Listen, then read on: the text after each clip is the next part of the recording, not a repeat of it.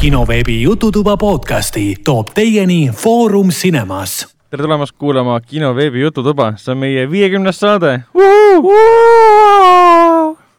neljas saade. okei okay., nelja, kellel viiekümnes, kellel neljas.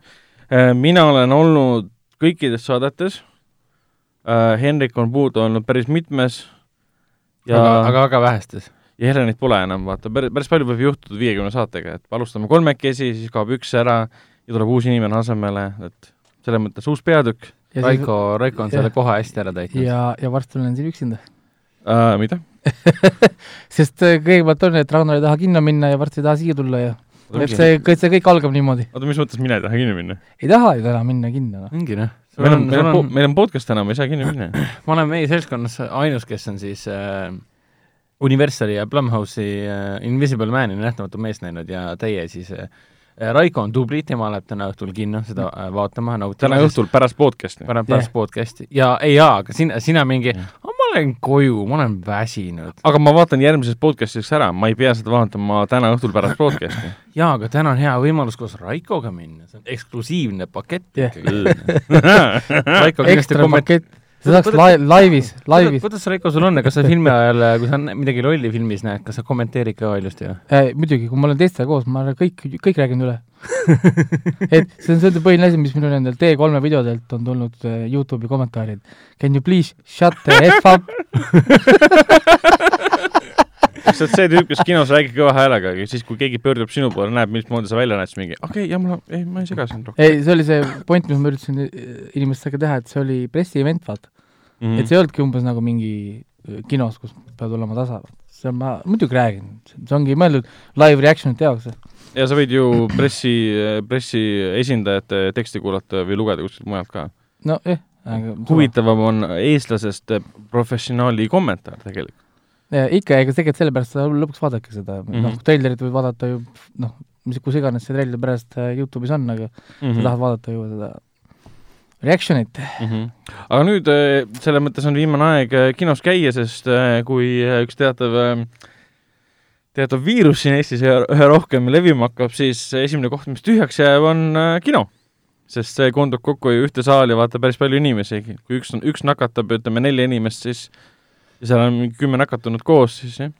no jah ja,, mina ja., ma olen see inimene, kes istub hästi palju teaduslikes foorumites ja lehtedel ah,. siis mul on äh, koroona suhtes täiesti null äh, hirmu. sul ei tegi tunnet, et peaks juba äh, need näomaskid endale kokku varuma, konserve kokku ostma, külmrelvi koguma, akna ette panema mingid metalluksed ja nii edasi. Divisioni uuesti installima. ilmselt Divisioni esimese peale panema ja teise ja läbi mängima, et korralikult prepare ida selleks kõigeks ja ei, seda muret mul ei ole, ma olen ikka rohkem mures anti, anti-vaxxerite pärast kui mingi koroona. seda küll, jah selles mõttes, kui koroonaviirus tuleb ja sellest sünnib Eestis, Tallinnas mingi totaalne kaos äh,, mis iganes anarhia on toimumas, siis mina olen see üks tüüp, kes istub kodus ja mängib, mängib mina, ma elan niikuinii nii, nii, nii off the grid, mul on täiesti poogen. mina, mina tean, kuhu ma lähen, kui äh, ütleme nii, et kaka lööb vastu äh, fööni, siis ma lähen, ma lähen Raiko juurde ja mul on off the grid, mul on seal omaette kõik on aiaga ära pirjatud ja keegi ei tea. ma võtan oma konservid kaasa. keegi ei tea, et seal üldse maja, majaga on nii, et kui kuskil on mingi mäsk, keegi ei tea üldse, et seal peaks üldse kuskil olema. ma, ma aitan sul siis camouflage'ida, et mätastega ära katta, et kaugelt ei saaks aru, et seal maja on. katavad mingi mitmekorruselise, korrulise maja mätastega ära või? et kusjuures äh, pull oligi, et me naisega vaatasime seda Kana kahe pealt oli mingisugune saade siin see Euroopas, vaata ju, mis juhtus, kui see kaoks elekter ära mingi värk mm,. Yeah. siis me enesega mõtlesime, meil ei juhtus mitte midagi meil on ju kõik gaasipliidid, meil on kõik puukitted, värgid, vaata, me, me chill ime edasi. aga internetti pole? telekat ei saa vaadata? Netflixi ei saa vaadata? selle asja nimi on generaator. eile me vennaga tegimegi nalja, et vaata, koroonaviirus lööb täiega sada protsenti lakke, eks.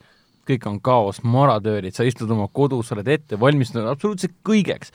internet on läinud ja siis sa mõtled, et okei okay,, mul on siin eluaegne varu süüa, ma olen põhimõtteliselt punkris, kõik mu lähedased on siin kuidas siis aeg, aega surnuks äh, lüüa? väga hea, hakkan mängima, lööd Steam'i lahti, siis vaatad, kurat. ma ei ole midagi installinud. kõik on alla laadimata jaa, aga isegi kui nad oleks alla laetud, enamus mängu töötas, nad tahavad äh, no enamus live, live, ja siis sa mõtled, et vähemalt, vähemalt PlayStation töötab läbi generaatori. Paned selle tööle, vaata, enamus, kõikidel mängudel on mingi kakskümmend giga update'i puudu, kurat, ei tööta. ei no ikka töötab, selles mõttes sa ei pea mängu update ima, saad alati mängida ilma aga mul on olnud osadel niimoodi, et ei panegi tööle, sest mingi kriitiline update on tulnud. no see on ikka mingi väike jaa, aga sul ei ole vaja, sa võid panna alati ju play without update ja mäng töötab ikka. aga Steamis saab ka nii teha? ei, Steamis, Steamis ei saa nii teha. no vot, vot, vot, siis ma pean ette ära peaks äh, laadima. guugeldama, kas see statistika on nagu videomängudes nagu kerkinud, et inimesed on hakanud äkki nüüd koroonaviiruse najal äh, lainel nii-öelda, on hakanud ostma endale kokku mänge, mis on internetiühenduseta täiesti vabad nii-öelda. et nad prepivad nii-öelda tum-, praegu pigem on see, et Neid see on nii vähe, neid on Steamis nii vähe mänge, mis töötavad ilma Steam'i live connection'ita no, Offline'is põhimõtteliselt sa enamus Steam'i mänge mängida ei saagi. Mm. Aga aga sa saad mängida neid ähm, Win-, Windowsi mänge ja neid, kui sul on Xbox'i Gamepass, tõmbad, tõmbad selle kallal mängida. aa, õigus, mul on see olemas, õigus jah, seal on mingi, ma ei tea, mitu mängu seal on, aga liiga väga palju aga on,. aga samas nagu mul, mul naine ütles, et äh, väga targalt, et äh, mul on koduraamatud täis, nii et milles probleem on. no mul on ka. sest see suurim videomäng on sinu peas. ja Netflixis sa saad kõik ju filmid alla laadida ja siis vaadata seda otse läbi äpi. kas ka internetiühenduseta või? Pole internetiühendust vaja saad, saad ikka vaadata ja Jah. Netflixil on täiesti poogen. Downloadi ja vaata, tee mis tahad sellega. mis sellest download failist siis alles jääb? ma, pole kordagi alla laadinud. midagi, selles mõttes, et äh, sa võid selles mõttes, ma olen isegi nii teinud, et ma võtan selle faili, panen Läpparisse, vaatan läbi Läpparist. sa võid selle, selles mõttes, kui sa tahad isegi näiteks, inimesed tahaks pirada, lihtsalt äh, võtad selle, download'id otse Netflixist ja paned selle neti üles. no see on mingi Netflix nagu ei watermark'i piira pole seda mitte kuidagi või? lihtsalt lihtsalt laed alla ja võtad faili paned ma- see oli see, mis, mida kunagi Reese Hastings ütles, mida rohkem sa proovid vastuvoolu ujuda, seda kiiremini sa upud. Aga sellepärast nii kiiresti nagu Netflixi filmid jõuavadki torrentisse või? nojah, keegi lihtsalt downloadib otse Netflixist, paneb selle No. üles.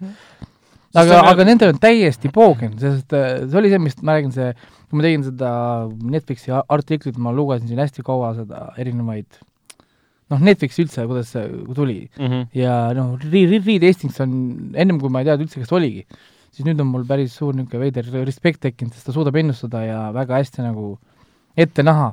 Näiteks äh, lugesin Manu artiklit näiteks aastal kaks tuhat viis, kaks tuhat mingi kolm, Mhm. isegi üheksakümmend mingi üheksa artikli leidsin üles, kus oli mingi Reed Hastingsi intervjuu, kus kohas kõik ütlesid, et et tema see äh, DVD videolaenutus siis, mis ta tegi läbi interneti, said tellida DVD-sid endale yeah. koju postiga, et see ei toimi kunagi.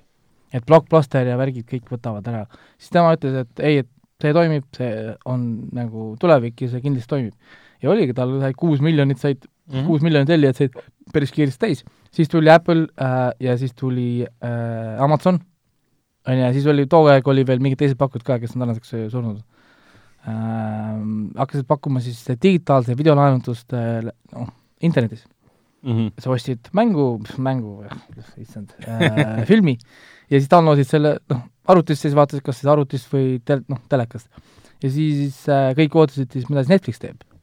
ja tegelikult aastal kaks tuhat viis, kui see kõik pihta hakkas, siis Netflix ei teinud mitte midagi. Läks aasta mööda, kõigil oli noh, millal Netflix teeb oma laenutuse, mis toimub, vaata, noh nagu miks Netflix teeb midagi. siis ka kaks tuhat kuus mingi lõpp juba, noh, et aastad lähevad ja Apple ja, ja Amazon muudkui võtavad turul nagu hoogu ja jõudu, vaata ja, ja siis äh, oli üks intervjuu, et umbes, et jälle siis see Reid Hastingsi käest, et umbes, et kuule, et noh, miks, miks te ei tee midagi mm.. oo, et me tuleme kohe oma teenusega välja, et meil on oma nägemus sellest äh, noh, ideest. Ja nüüd on see standard. ja siis oli kuusteist jaanuar kaks tuhat seitse, mul jäi see kuupäev meelde, Netflix äh, lasi välja siis oma platvormi netflix.com, aga uuendatud kujul äh, niimoodi, et siis dvd punkt, dvd.com läks siis eraldi nendel, et äh, nüüd, kui sa olid see tellija, see üks kuue koma kolm, kolmest miljonist siis igakuisest tellijast, nii, nii suur kui su, noh, kui sinu see kuumakse oli, Mhm. näiteks kaheksateist, üheksakümmend üheksa oli vist maksimumpakett, sa said üheksateist tundi tasuta vaadata filme otse internetist, ei pidanud download ima neid alla. see oli too aeg täiesti ähm, äh, Ennekuulmatu. noh, veider, ütleme, et kõigil oli ka, et kui net ei sobi värki, oo et siis ta ütles, et ei, et meil on uus algoritm, et see ise arvutab sinu netikiiruse ja vastavalt sellele annab sulle kvaliteedi ja jookseb nii, nagu on. ja juba siis enamus inimesed said tegelikult vaadata full HD kvaliteedis, parem kui näiteks äh, isegi äh, videolahendused tookord olid DVD-dena mm. Kujul. ja nad alustasid tuhande filmiga. ja siis oli ka, ei kõigil oli see, et oo, et see Amazoni ja, ja nende videolahendused võtavad üle. ja aga siis juba tookord oli, oli üks hea intervjuu, sedasama päev, kui see välja anti, CNN, CNN tegi temaga intervjuu, mulle nii meeldis see, ta on nii ülbe, aga ta, aga, aga mulle nii meeldis tema kommentaar ka, et äh, nagu ta ütles, et ülbus tuleb ära teenida. ja tema on selle ära teeninud. onju, ja, ja, ja siis ta küsis ta ka, oh, aga Apple nüüd võtab üle, et just ei, et ta üldse ei muretse, ta isegi ei mõtle nende peale, et, et see, see läheb nii kiiresti mööda, et äh, aga, aga, aga temal teeb muret üks teine asi.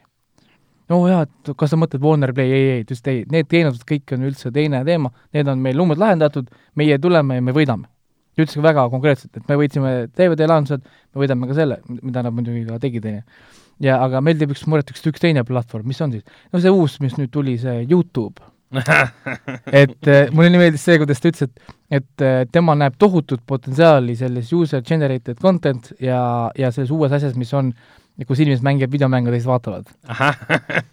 see on üks maailma kõige enim teenivaid selliseid ettevõtteid, mis üldse on. ja, ja, ja siis ta mingi pool aastat hiljem oli järgmine niisugune intervjuu klipikene, kus ta, kus ta ütles, kui ta tahaks ajas tagasi minna, küsiti, mida sa teeksid teisiti. ta ütles, et ta ei teeks mitte midagi teisiti peale selle, et ta investeeriks Youtube'i kaks tuhat mingi üks või kaks aasta, sest ta ütles, et ta näeb seal lõpp, noh, nihu-, nihukest nagu äh, potentsiaali, et, et, et noh, ei ole midagi teha. Ja siis noh, täna nüüd ongi mm.. mm.. aga, aga ei, see oli päris huvitav niimoodi lapata neid vanu äh, viise, kuidas Netflix nagu noh, tuli ja kuidas siis see Netflixi kartmatu juht siis Reed Hastings lihtsalt äh, teadis kõike.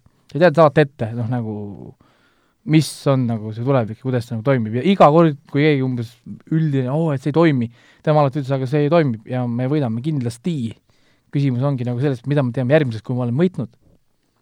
nojah, sa pead ette ennustama järgmise sammu, ja mis, hakkab ja, ja siis mulle nii meeldis ka näiteks kaks tuhat neliteist, Reed Hastings ütles, kui juba noh, et mida Netflix järgmiseks teeb. oo, et me ikka vaatame seda virtuaalreaalsust ja ja mis ta veel seal välja ütles, eks ma nüüd ootan, ootan neid. äkki Netflix teeb varsti enda selle Twitch'i, kus saab ka vaadata, kuidas ei teised mängivad äh,, äh, seda äh, ta on ju öelnud, see teda nad ei lähe kunagi. mm. -hmm. et, et see on nagu, et ta, ta noh, ta ta selgitab seda päris hästi ise oma nendes intervjuudes, miks ta, miks nad ei tee neid. aga mida ta kindlasti ütles, ta tahab teha, ongi sama nagu see Bandersnatch, Bandersnatch oli, onju. Mm -hmm. Neil, neil on täna seitseteist filmi juba niimoodi, kui, kui, kui aa, sa mõtled interaktiivseid jaa, äh, ei, filme? interaktiivselt, et sa ise saad valida. ja nüüd järgmine aste, mis nad lubasid, siis ongi VR-is. et pidi tulema nagu netflix.vr.com või vr.netflix.com, ühesõnaga midagi mm. -hmm. niimoodi, kus on siis filmid, mis on täiesti VR-ides, ei ole umbes nii, et see on, ta ütles, et see pole kolmsada kuuskümmend video, vaid see on VR-film. ehk siis pole kolmsada kuuskümmend video, mida sa saad vaadata umbes noh, nagu ümberringi prillidega mm, -hmm. vaid see on VR-film, kus sa saad vaadata inimeste selja taha näiteks. ahah, et, et nad, et nad, oli mingi umbes teema, et nad lubasid alguses kümneminutilisi umbes krimisid või noh, nagu müsteeriumeid, kus sina siis me-, vaatad, pead ära lahendama ja selleks lahendada sa pead nagu vaatama ringi toas umbes näiteks või äh, vaatama karakteri selja taha, kas ta hoiab selja taga midagi, ma saad aru, noh nagu sellises stiilis.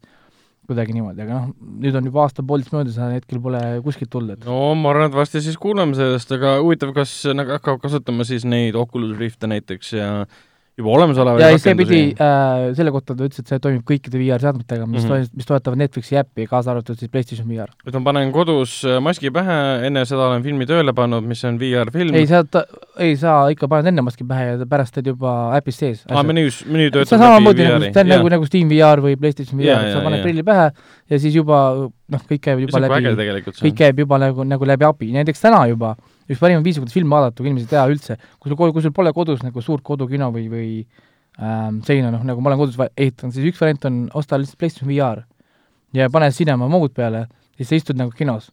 Mhm. et sealt valid kas IMAX kino või sa valid noh, nagu ei noh, kinod, sinu jaoks ei ole selles mõttes vahet, sest elamus on täpselt sama, sest äh, nagu see oota, ma saan PlayStation VR-i maski pähe panna, istuda oma oma nagu diivanil toolis jaa. ja panen Cinema Moodi peale ja ma näen, et ma olen kinosaalis, sa oled, vaatan sa oled filmi. kinosaalis koos teiste inimestega koos aa, ja, ja sa saad ise valida, kui suur see kino on, näiteks kui kas on kuumaekraaniga, erinevad nagu variandid, sa vaatad filme niimoodi, sa vaatad Blu-ray'si, mis sa paned ise PlayStationisse või vaatad näiteks Netflixi võid vaadata niimoodi ka kodus. ja see loob siis umbes samasuguse efekti, nagu sa vaataksid tohutu suurt ekraani ja, kinos ja see on väga võimas efekt, sellepärast et sound või noh, heli on hästi nagu kvaliteetne. mm. -hmm. kui sa näiteks ostad head kõrvaklapid, ma ostsin endale need äh, kõige uuemad need HyperX Cloud mingid äh, mis iganes äh, lühend seal on jah, need numbrid Ja, teada. ühesõnaga väga mingi fancy, fancy stuff ja mm. -hmm. ja väga võimas on selles mõttes ikkagist. ja, ja ma panin omal selle suure pask, paskkõllari panin veel tooli alla ka ja väga-väga mõnus on äh, vaadata.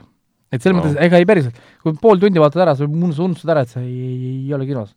Alguses on küll umbes noh, nagu oo, ma tegelikult mul on kodus või nii. aga pool tundi või nii, kui film juba uus sisse elad, siis oh, issand. aga kas seal on mingid muud efektid ka, et keegi köhib saalis või nohiseb omaette või ei, seda, seda sa saad valida nüüd menüüst ah.. mina vaatasin üksinda saalis, ma valisin kaheksasaja viiekümne kohalise selle teatri. ma olin mm. üksinda aga muidu saad valida, et kui tihti süüakse näiteks popkorni ja, ja seal, seal on päris huvitav asju, näiteks saad isegi, teil on see DLC, siis paid content on, et võid osta näiteks äh, erinevaid neid rahvahääli või Aha. segavaid inimesi, näiteks kõnnivad üles maksad mingi euro üheksakümmend üheksa, on ju, siis saad näiteks erinevad kõndivad inimesed või, või, või, või keegi segab, vaata. ei peagi kinno minema, sa lood, tood kino enda koju, vaata. ei, aga päris, päriselt, see on kõige lihtsam variant ähm, PlayStation VR-il on küll, ütleme, väga basic, mina praegu tegelikult, äh, ma rääkisin mitte Blaker VR-i omast, vaid äh, HTC Vive'i omast mm. -hmm. aga noh, Oculusel on oma no, hästi mitu kino nagu seda äppi mm. -hmm. hästi palju erinevaid kinoäppe on, näiteks sul on see Waterfall, sul on see Drive-In oma, see kuulus Santa Monica Drive-In, saad ah, ise jah, proovida jah. seda kohe, on ju, ühesõnaga väga fancy'd, väga huvitavad äh, see, eks see, eks, eks varsti Netflix annab teada, mis on nende tulevikumuusika. aga meie oleme endiselt olevikus ja räägime filmidest ja seriaalidest, mis oleme vahepeal nüüd kahe podcast'i vahepeal vaadanud ja nagu ikka, alustame Raikost. Raiko, mis sa oled vahepeal vaadanud? no ma filme kinos jällegi ei olegi nüüd käinud. ei no me räägime filmidest ja seriaalidest, mis sa oled kodus vaadanud. kodus, kodus sa ma spoiler, vaatasin spoilerdasid praegu ette, et sa pole kinos käinud. jah, spoilerid Raiko spoilerid uh,. ma vaatasin kodus uh, House'i, on ju ma praegu olen nüüd sellel House'i, ma ei tea, viiendal ringil. aa, sa mõtled Doktor House'i? jah, Doktor House'i. viiendal ringil, jah? umbes viiendal ringil, House on minu arust jube hea kvaliteediga seriaal. noh, sealt on, sealt on nii palju õppida, mis iganes, ütleme, kui huvitavad, ma ei tea, stsenaariumid ja tahad õppida mm. siin äh, kirjutamiseid ja kuidas karaktereid teha ja sündmuseid ja asju, siis minu arust House on väga väga niisugune õppematerjal. väga hea õppematerjal tõesti, ütleme, ka, ka, ka näitlejate ere, kus sa ise oled näiteks näitleja, noh, näitlemishuviline, on ju, noh, kuidas nagu näidelda asju, siis minu arust seal on noh, nii palju materjali võtta sealt üles-alla, vasakule-paremale. et äh, kõik meie noored ja hakkajad äh, stsenaristid ja noored ja hakkajad näitlejad, kes meid täna kuulavad, unustage, unustage Grey Anatoomia ära. ja on kõik meie suured äh, fännid, siis jah, nagu Ragnar ütles, unustage Grey Anatoomia ära ja Raiko soovitusel, kui te pole seda juba teinud, vaadake Doktor House'i. ei no äh,, aga nagu mõelge selle peale, et nad, pooled sõnad, mida nad ütlevad seal, sa ei saa aru. ei saa aru ka ingliskeelne publik, aga sa oled täiega haaratud mm. -hmm.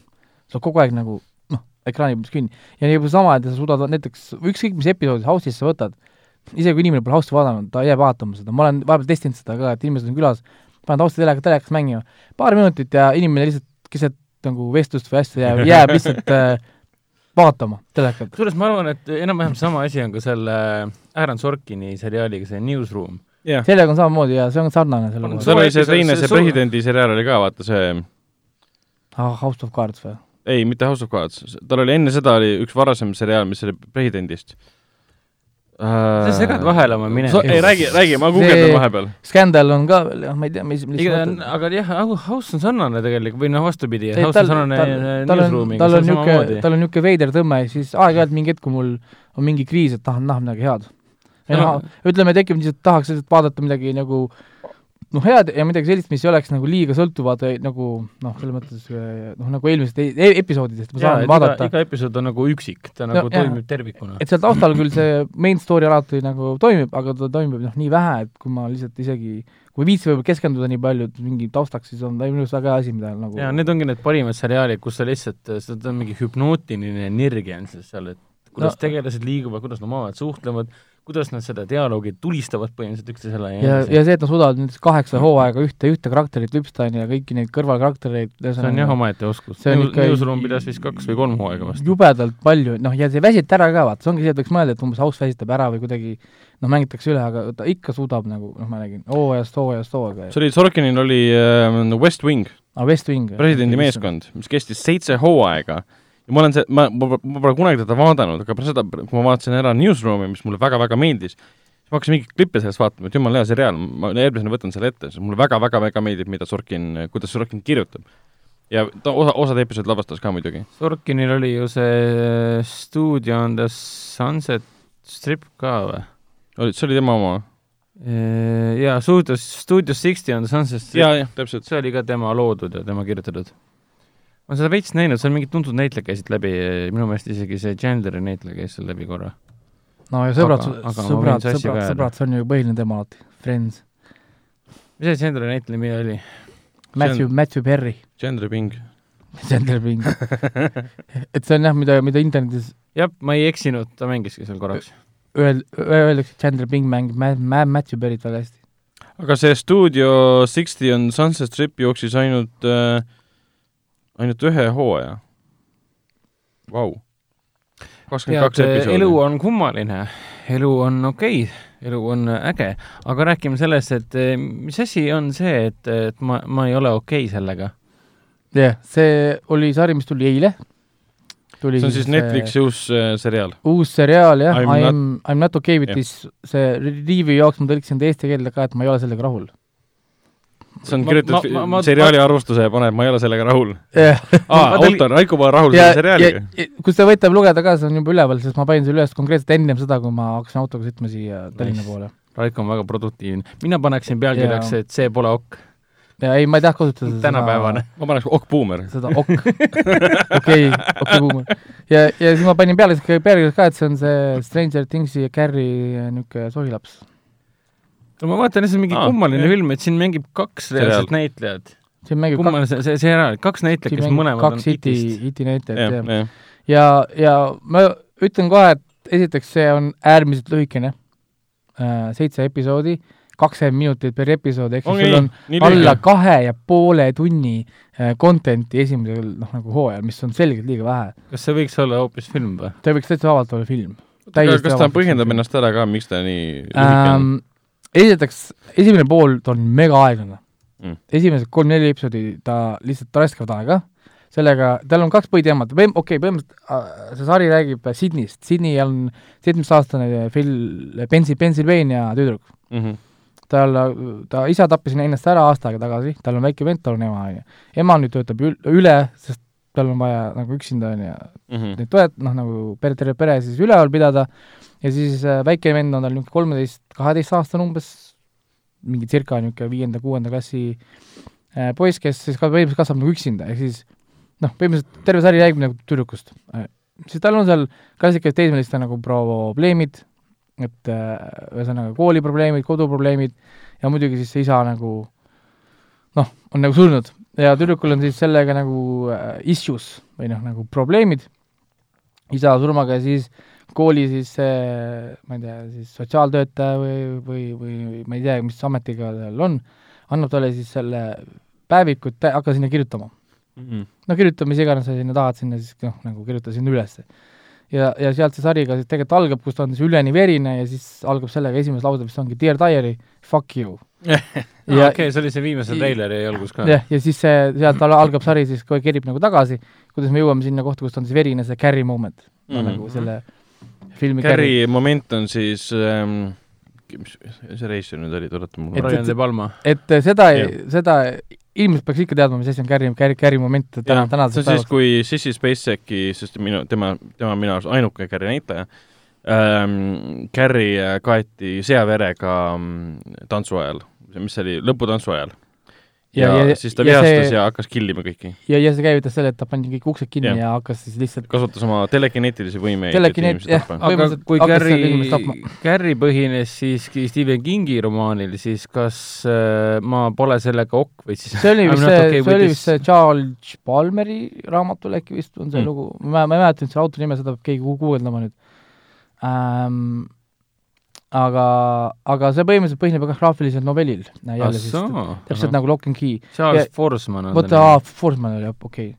ja ma ei ole seda lugenud ega mitte midagi, ma kuulsin sellest siis, kui nüüd Netflix hakkas seda nagu tegema, nüüd ma juba otsisin juba Amazonist välja, et kus ma saan siis seda äh, osta või noh, kus ma saan mm -hmm. nagu lugeda seda graafilist novelli.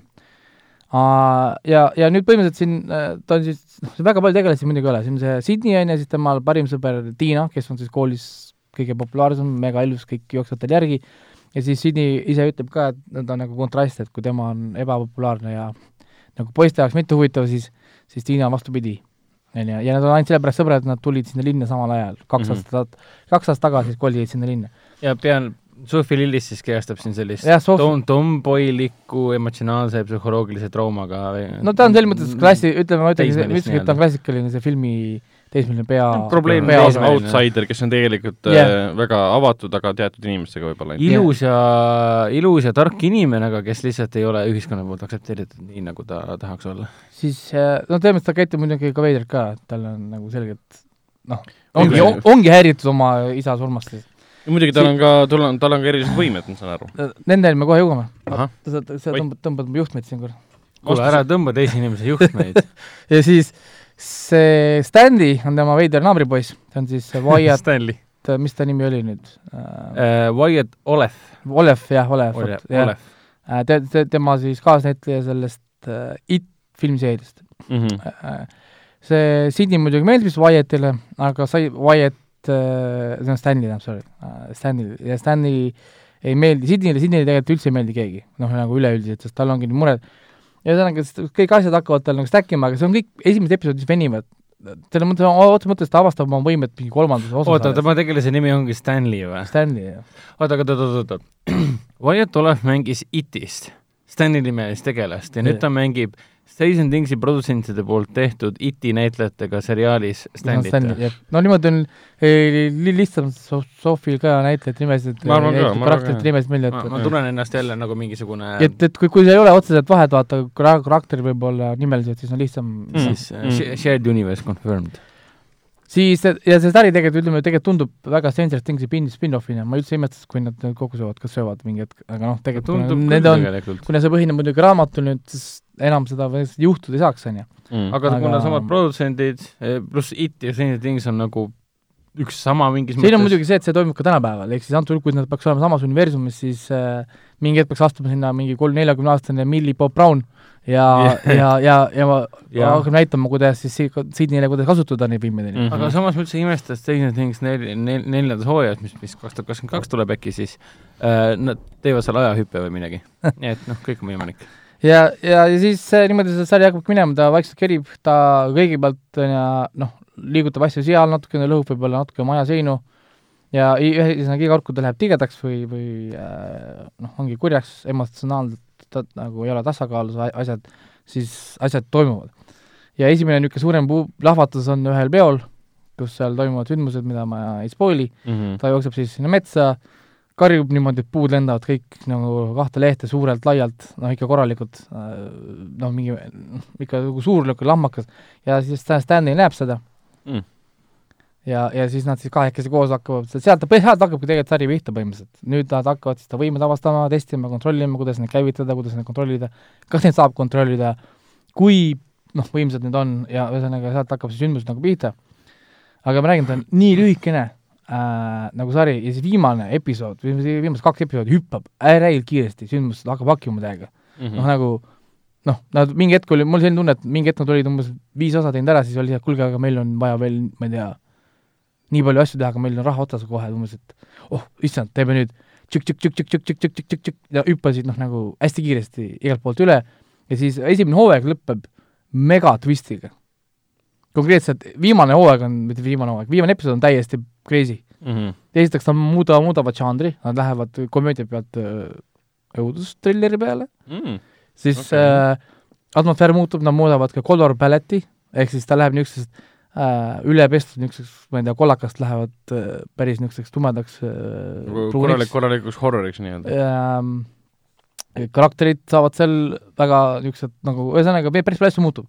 ja, ja niisugune teine story on siis tema isa, ta uurib oma isa ene-, enesetapu kohta, miks isa ennast ära tappis. Mhm. ja siis ta avastab, et tal võib olla rohkem ühist isaga, seal on üks oluline e e episood, mille pealkiri on Like father, like daughter, kus saame ka niisugust tausta hästi palju, ühesõnaga ma saan aru, et Netflixi sarjadel on äh, mingi isaga mingi teema. Key and Lockis on täpselt sama ju. Ei no Keylock on ka, selles mõttes, et Key. äh, põhineb ka ju graafilisel novellil on seal ette aga kirjutatud jälle, jälle on see, et isa on surnud või siis äh, tapetud või siis enesetapu teinud ja nüüd avastame tema minevikku no ja see, see on hea storyline selles mõttes, et kui see töötab, miks ei peaks seda kasutama noh, Stranger Thingsis oli ka ju vaata sellele E- Eleveni isa kuju on ju see. no jah, ja tal polegi noh, isa nojah, täpselt, tal oli ka alguses traagiline suhe isaga, kes ära kadus nii-öelda ja siis tal tekkis uus isa, kelleks oli see Hopper. Hopper, et sa mõtled, sa mõtled seda teadlast, Brenner teadlast isa või? Brenner, jah. nojah, ja, ja, ja selles mõttes, et minu arust on see väga hea sari, selles mõttes, et äh, ma võtsin selle punkte nagu maha, võtsin kaheksa punkti vist mm. -hmm. võtsin sellepärast maha, et liiga lühikene on, et nüüd on juba see moment, kus ma hakkan punkte maha võtma, sest asjad lähevad liiga lühikesteks juba, hooajad lähevad liiga väikesteks. ehk siis see on tegelikult film mm. -hmm. et siis veits oli nagu tunda, et oleks võinud olla pikem või, või olla vähem selline bait show, mulle tundub veits on see, et ta haarab lihtsalt vaataja praegu konksu otsa, teeb twisti ära, tuleb järgmine hooaeg mis ilmselt esimese hooaja vastuvõtu põhjal on palju-palju pikem, võib-olla pikemad episoodid ja kõik on nagu põhjalikum. sest see twist on ikka päris suur. hoopis, äh, hoopis teine nagu äh, sari on kogu aeg nagu komöödia, ta on nagu see teenage äh, dramedy niisugune, niisugune noh, asjad juhtuvad, mingid peod, värgid, särgid, siis tal on niisugused võimed, noh, mida ta, ta kasutab väga vähe neid siin, neid võimeid mm -hmm. siin noh, nagu sarjas. kuni viimase episoodini, kus kohas asjad lähevad nagu võib öelda niisugune üleloomulike elementidega draamakomöödia täis, täiskasvanuks saamisest nojah, selles mõttes, et noh, noh, üleskasvamise lugu. esimesed kuus episoodi on kõik nagu väga, väga nagu sama, esimesed kolm lihtsalt venivad. aga kas, kas see nagu häirib ka sind või tekitab tunde, et äh, Netflix, mis värk on või? Et, et kus, mind täitsa on... häiribki nagu see nüüd, et nad järjest lähevad lühemaks. miks ta, see tekib see tunne, et küsimus, et miks ta kohe siis filmi ei olnud või?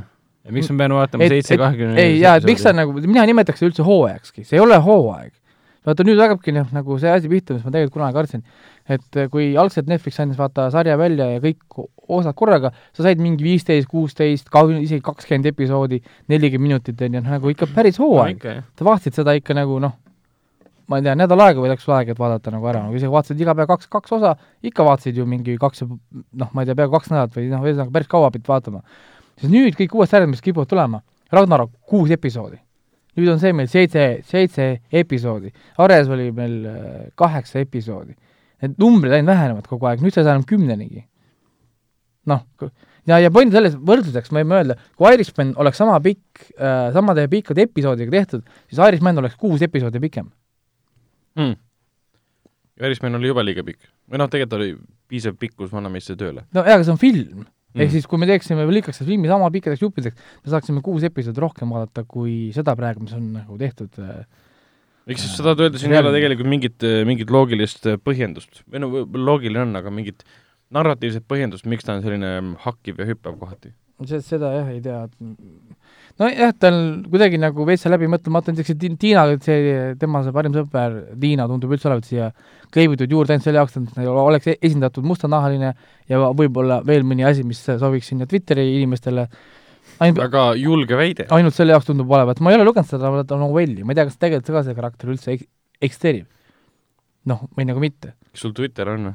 mul ei ole Twitterit, ma panin kunagi kinni Twitteri, sest lihtsalt ma ei jõudnud seda ähm, paska ära lugeda peldiku sein. ma panin jah ja, kunagi lihtsalt delete oma kontole, siis lihtsalt mulle aitas sellest, see, ükskõik kui positiivne asi oli, mingi hea film, vist see, kusjuures äh, väga huvitav kogemus, Stranger Things oligi põhjus, miks ma panin kinni äh, Twitteri mm. noh, üldiselt kui noh, midagi kommenteerisid või asjad, siis inimesed ikka negatiivsed on ja see on tavaline interneti asi. siis Stranger Things oli esimene, esimene hooaeg oli väga kõva asi, kümme, kümme ja noh, tal ei olnud midagi halba öelda. Läksin äh, Netflixi noh, sinna Twitterisse, seal mm -hmm. Stranger Thingsi noh, nad jagasid neid review sid seal, mis kuskilt tulid igalt poolt kümnesed. iga review all, lihtsalt iga kommentaar oli sapisem kui järgmine. mille pärast siis nagu? täpselt, mille pärast? see on mingi põhju-, põhjuseta lahmimine? jah, ja siis konkreetselt üks koht, kus kohas see toimub, Twitter mm. ja siis ma nagu lappasin ringi, ma võtsin kõik head asjad lahti, mis ma suutsin välja, välja mõelda, mis on minu arust nagu noh, ainult positiivsed asjad. Twitter su-, pole sellist asja nagu hea kommentaar on seal Twitteris. kas keegi teeb nalja, on ju, nagu nii-öelda humoorikas kommentaar, mis on üldiselt uh, nagu huumor läbi nagu musta prisma ja siis lihtsalt ülejäänud lihtsalt ainult sappi prisitakse. konkreetselt lihtsalt mingi üheteistaastased tüdrukud mängivad seda rolli ja, ja mingi kuradi pedo-, pe-, mingi pedofiilide kogukond on ka seal muidugi seal Twitteris on ka. ja lõpuks oli, et ma ei viitsi, panin kinni selle. ma arvan, et see oli õige, õige, õige samm aga ühesõnaga, vaatamata ilmselgetele puudujääkidele, sa siiski ei, seda I m not okay with this'i soovitad? jaa, ei ikka, lihtsalt ma läksin siia võib-olla ise natuke kõrgete ootustega, ma ootasin siit mingit uut Stranger Things'i. sain niisuguse väikse spin-offi, on ju, nõrgema spin-offi. aga ta on väga hea sari. ma, ma pigem võrdleski võib-olla, kui inimesed on vaadanud Netflixis, on Sex Education on sari. jah, jah, on yeah.. siis, siis ta on vaadanud. väga sarnane, ütleme, Sex Educationile, aga sinna paned juurde sinna selle Stranger Things'i müsteeriumi mm., selle ulmeelemendi ja niisuguse nagu retrohõngu pannud juurde sinna, kuigi see toimub tänapäeval, on ju, see sari, ta on hästi niisugune hästi niisugune selline, lõhnab isegi, Stranger Things järgi, kui saaks nagu tunda läbi teleka seda lõhna, siis sa tunneksid seda Stranger Thingsi lõhna siin. muusikavalik, isegi kuidas nad riides käivad, see näiteks seesama Stanley kodus, ta korjab, ta kogub vinüülplaate ja VHS-e kassette, ta kirjeldab, kuidas VHS-i kvaliteet ja, ja kuidas see värelev ekraan on alati parem kui ahah, see uus digi- alati, dig-, parem. digitaalne ja siis, kui keegi ütleb talle eh, digital või see compact disk, et kuidas tal hakkab nagu seest kohe krõbelema, et te ei tea, millest te räägite. ehk siis see sari auto, auto ka, millega sõidab Stanley, on ka niisugune vana, et see on Mm. jälle see siis true true, ei true teaks, quality. kui sa ei teaks, mis ajas aset leiab, sul ei jääks mulje, et see on see võiks olla mingi kaheksakümmend viis. kaheksakümnendad kaheksakümnend- huvitav fenomen, et muidugi Stranger Things ju äratas ellu selle kaheksakümnendate nostalgia. Stranger Things tekitab nostalgiat inimestes, kellel sellist nostalgiat olla ei saa.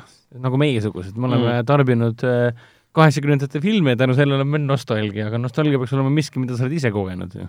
aga noh, see on teistmoodi no, nostalgia on juba sellest nagu välja kasvanud, sa ei pea olema kogenud seda, nüüd on siis see, ma ei ole sellega okk ja siis nad teevad nagu metanostalgiat, ehk siis kui Stranger Things tegi nostalgia populaarseks, siis nüüd nad teevad siis tänapäeva seriaali, mille, mille look and feel mõjub nagu ei, ta kaheksakümnendad. mõjub niimoodi, kui mingi hetk, kui sa ei mõtle selle peale, tõesti, sul jääbki mulje, et see on kaheksakümnendad.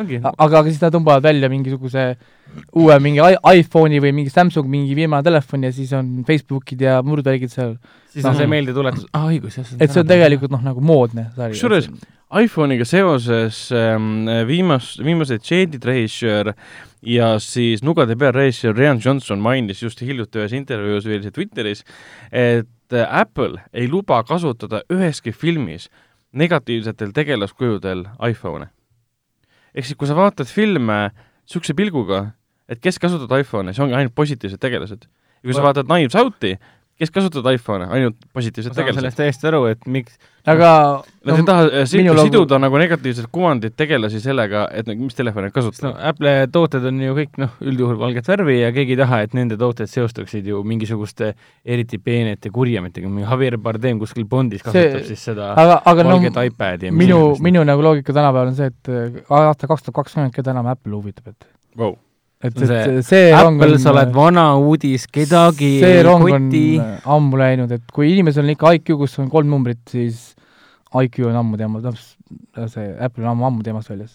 Vau, sa kõlad nagu Twitteri sein. jaa, ei see on lihtsalt ega, ega, ega ongi, ega Apple'id ostavad ainult ini- inimesed, kellel on vaja näidata midagi. kahju, et sa enam Twitteris ei ole, sul oleks lööki küll seal tegelikult. ja, ja ei, ma seepärast ma läksin alg- alguses Twitterisse ainult sellepärast, et trollida. aga, aga siis ma saingi aru, et milleks trollida laua jalga. Sina oled No see, kes Lauri mulle aru sina oled äkki see, kes mulle halvasti ütles siis, keegi, keegi ütles Henrikule Twitteris halvasti või? kusjuures eh, mina tegin Twitteri konto endale ka, aga minu konto on aktiivne olnud alates veebruar. esimest korda tegin konto. said kohe sõimukirja või? ei, ma ei tee seal midagi. aa. aga no ikka, ikkagi saab, keegi ikka leiab sind üles. ikkagi leiab su üles, kirjutab, et pane põlema ennast. aga, aga mul on see Apple'ist täiesti poogen, nagu kogu aeg tulevad mingid Apple'i asjad, kui sa pole Apple TV-ga seotud, onju, Mhm. siis täiesti ükskõik. selles mõttes, et oo, uus telefon tuleb välja, et see on umbes nagu uued Nintendo Switchi mängud on. ahah, uus Nintendo Switchi jaoks, vana minu jaoks, sest ma mängisin seda mängu kaks tuhat kolmteist Play- PlayStation kahe peal. Mm. oo, uus, jaa, ehk siis Apple'i sama asi, oo, uus mingi äh, asi, uus mingi või, okei okay,, aga kuule, kas see on sama asi, mis me Samsung tegi kaks tuhat kuusteist või? aa, okei okay,, jah, sorry okay.. nojah, tegelikult küll jah. ja, ja siis oo, meil on võimas, meil on kõige võimsama protsessoriga see. oota, võimas, mis, mis aastal, kaks tuhat viisteist oli see võimas, on ju? oi-oi. No, Sick, äh, sick, sick burn. et selles mõttes nagu jah, ja siis tänapäeval pigem ongi umbes see, et kui ma tahan näidata, et mul on raha, on ju, siis ma ostan Apple'i, kui ma tahan näidata, et mul on mõistus, siis ma ostan midagi muud. nojah, siis näiteks minul on äh, ju Google Nexus, mis ta on, mingi kolm A või X, kolm, kolm, mis, mis asi see on? Ei ole Google Nexus, mul on endal ka sassi, mis telefon mul on. aga, aga ei, see on, ei, aa, Pixel kolm A XL. niimoodi saab inimesi väga lihtsalt trigerdada, näiteks kohe, kui sa näed, keegi kasutab äppe, Apple'i to- toodet tavaliselt, siis sa juba tead, et äh, nii lihtne on neid äh, trigerdada. nojah, siis sa pead ennast paremaks teistest. kui mul oli vaja uut telefoni, siis ma isegi ei mõelnud Apple'i peale. ma vaatasin ainult seda, et okei okay,, aku maht ja sisemälu mm, -hmm, siit, siit, siit, siis lõpuks tuleb see äh, Pixel kolm, Google Pixel kolm A mingi. Okei okay,, väga hea. mina, mina ostsin telefoni ainult sellega, et oleks võimalikult suure ekraaniga, et ma saaks vaadata Netflixi ja Prime videosid ja muid asju. jah, täpselt. mul sama, ma võtsin selle Razer Phone kahe. ainult, ainult sellepärast, et Atmos see või? Atmos heli, jumal hea, tal on kaks ongi suurt kõlarit. suur, jah, jah, ongi, ja siis ma võtsin ka selle, et oleks võimalikult suur aku ja võimalikult kaugele see Bluetooth. Jah, et, et kui ma tahan Bluetooth kõla- kõlaritega vaadata ja siis, siis, siis kui tal, kui tal on hea aku, ma saan teha seda screencast'i, saan telekasse lükata või projektorisse otse, otse telefonist, ma ei viitsi. no okei okay,, kaamera võiks ka hea olla, aga kõik muu on ebavajalik mul on, mul on muidugi see, et mul see Razeri logo vahetab värvi. see on hästi vajalik. see oli kindlasti esimene asi, mis sa välja uurisid. aga sa jätad selle tunniks ajaks tööle, ta sööb iga minutiga ühe protsendi. Vot sul, vot, mis on tegelikult ol- oluline teil telefoni juures. absoluutselt. nüüd me teame, mida Ragnar tegelikult telefonides tahab. aga mida, mida tahab Hendrik, Hendrik seriaalidest ja filmidest, räägid, räägid sina kohe nüüd. kuule jah äh,, olin siis siin vabariigi aastapäeva paiku sõidus ja bussis vaatasin äh,, käisin kaugel lõunas aga mitte Itaalias, ikka Eesti Wow. wow. piires. Võrus. Vau, liiga vara või? kus sa teadsid? Võrus sellepärast, et Ragnar äh, ütlesite. ise, ise küsis, ise, ise, ise vastas ma. kuulsin jah, ma kuulasin teie podcast'i, kus ma ei olnud ja siis mingi, kurat küll, te peate kogu Eestile ütlema, kus ma käin. Ma arvan, et kedagi tegelikult fännid otsivad su üles, kedagi tegelikult ei huvita. küsivad autogrammi. huvitav, kas me oleme, trendime ka äkki Twitteris ja peaks uurima, keegi pani just kindlasti üles hashtag kinoveebi jutu. Aa, kusjuures, Hendrik ähm, kedagi ei koti. kusjuures kõige veedam oligi täna see, et mina just täna käisin pitch imas ideed, et ma tahan teha kinoveebile Twitterit ja Instagrami. aa, et sa saaks burn ida kõike, jah? kuule, ma nüüd vaatan järgi. arvustusi jagama seal, sa saad hakata pilte Twitter jagama on. see, kus ikka hashtag kasutatakse või? Um, hashtag kasutatakse igal pool, Facebookis okay., Youtube'is, whatever. jah, oota, vaatan, kino, veebi, see ei ole enam kinoveeb. Twitteris praegu olemas ju. Neid veel ei ole, aga ma no results. tahtsin teha, jah. kuulge, meie kuulajad, hashtag kinoveeb ei eksisteeri.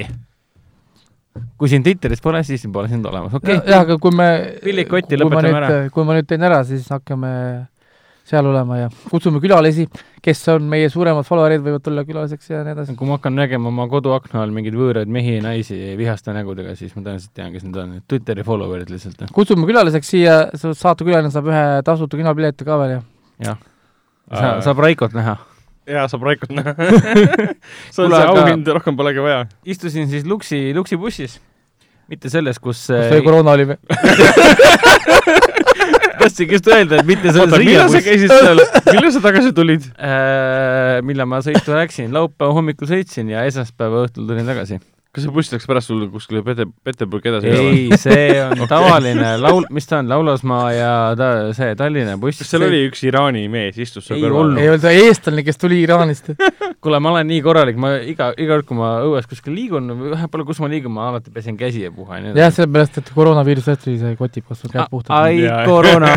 nii, aga räägime asjast ka, et ma vaatasin Baywatchi uuesti, seda Dwayne The Rock Johnsoni ja Zac Efroni äh, Baywatchi oh my god. tuleta nüüd meelde, kas sulle esimene kord meeldis see? äh,. ma mäletan, et ta mulle pigem meeldis, kuigi, kuigi ma saan täiesti aru, miks kriitikud seda vihkasid ja kõik siuksed asjad äh,. ta on iseenesest nagu tore film, ta on äh, noh, ta on stiilne ja ta teab väga hästi, mis ta Keskkõlav. teeb. on küll, jah. selles mõttes, et ta, ta on nagu, ta püüab, ühelt poolt on ta nagu väga andekalt tehtud, mõttes, et ta on nagu see, kuidas film algab, see algusstseen, kuidas The Rock lihtsalt jookseb vette, päästab ära. plahvatus miskipärast. ei, ei, kas te mäletate, kuidas ta, ei, plahvatust ei olnud. oli küll, laeva peal oli plahvatus hüppas vette. ei, filmi alguses. oota, tuleta mulle meelde nüüd. tüüp sõitis selle purjekaga või millegagi ringi, siis kukkus vette ja siis tema, Rock on seal, poosetab räigelt selle ranna ääres, mingi vaatab, et ta kukub sisse, enne kui pole, alguses pole tulnudki veel, hüppab kohe vette, haarab hüübist kinni ja kui ta veest välja tuleb, siis samal hetkel lööb muusika sisse ja tema selja tagant for-, formuleerub siis, vormub sealt vee seest välja Baywatchi pealkiri jah. see kõik näeb nagu 3D välja, pane 3D prillid ette ja puha. see näeb nii, nii naeruväärne ja nii, nii keelpõses välja, et see nagu, siis ma vaatasin, kui ma teist korda vaatasin, siis mingi kuule, see oli vist ikkagi hea film.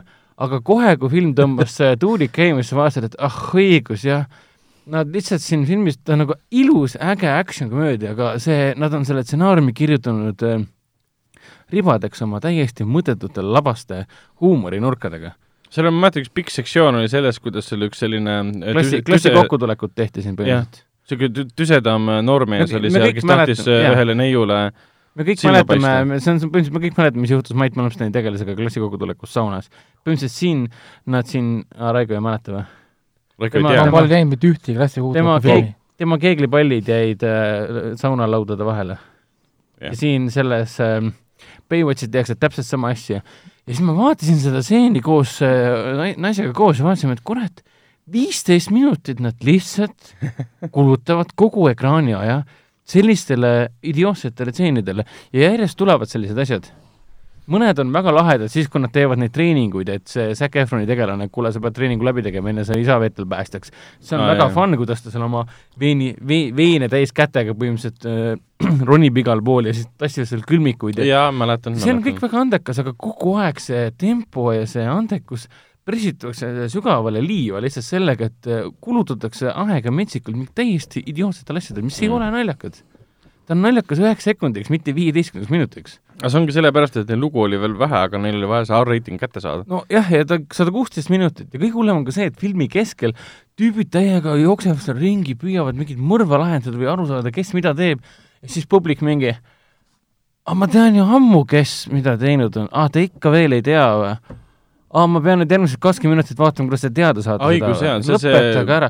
seal on see Priyanka Chopra, see Indiast pärit näitlejanna, on see põhipaha seal põhimõtteliselt, kes siis narkootikume toodab ja äh, no levitab õige neid seal oli, rannas. issand. ja siis filmi keskel kuskil filmi e- enne suurt, enne suurt finaali, kulminatsiooni ongi siis see moment mingi viisteist, kakskümmend minti, kus nad püüavad aru saada, kes selle kõige taga on, aga mina mingi publikuna, aga ma ju tean, saime juba posti pealt aru. ma sain juba posti pealt aru ja esimest korda, kui Priyanka Chopra lihtsalt, Chopra lihtsalt tuli üleni valges, eriti veetlevana ja seksikana, tuli The Rocki juurde mingi tere, mina olen uus klubi omanik, mingi jaa, that's the bad chick ju Mhm. Noh, ja siis miks sul on vaja kulutada lihtsalt sada kuusteist minutit sellise jama peale?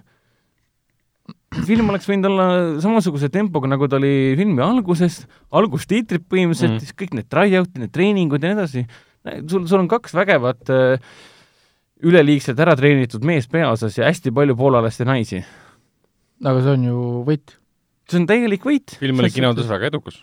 See mitte oli sellepärast, et oleks hea film olnud, vaid selle põhjusel, mida te just loetlesid. ta oli, noh, ta oli nii ja naa edukas, ta tehti kuni kuuekümne üheksa miljoniga ja teenis tagasi sada seitsekümmend seitse, et noh, no see, see ei ole läbikukkumine, aga tegelikult on nii palju läbikukkumine oli, et no, No- frantsiisi sellest ei tekkinud kui. sa teenid sada miljonit, ma ei ütleks, et see on äh, paha. See on umbes selline, et no sa oled eelarve tagasi teeninud pluss peale. ma arvan, sada miljonit. selle filmi, selle filmi produtsentidel oligi pigem see teema, et äh, meil on The Rock, meil on Zac Efron ja hästi palju kauneid naisi. mis saaks valesti minna? sada kuusteist minutit, R-rated, viskame sisse, Baywatch, paneme Hasselhoffi ja Andersoniga sisse ja siis film tuleb välja, okei okay,, kriitikud vihkavad. see on okei okay,, see on., see on okei okay,, seda juhtub alati. Ja siis mingi, aa, me teenisime sada seitsekümmend seitse tagasi. oota, aga mis sellest viiesajast miljonist Anderson ja Hasselhoff oli ka, jah? jah, kes korraks, Korraks käisid, jah. ja okei, okei, ei mäleta üldse. aga selle asemel võiks vaadata ju originaali, see on ju praegu ju jookseb selles äh, Go3-s, teen selle, teen re- reklaame ka Bogen, nendel on olemas ju see Go3. esimene, esimene hooaeg on kohe või siis märtsis tuleb, tulevad järgi, nii et kinoveebi viiekümne äh, saate toob teieni Go3. ei, mul tekkis küll tahtmine selle järel nagu võtta ette vana seriaal, aga samas, samas see film on nagu piisavalt stiilne ja äge, et ma tegelikult mingis mõttes tahaksin ka järge näha kunagi, kui oleks ära hakka, ära hakka üldse pihta.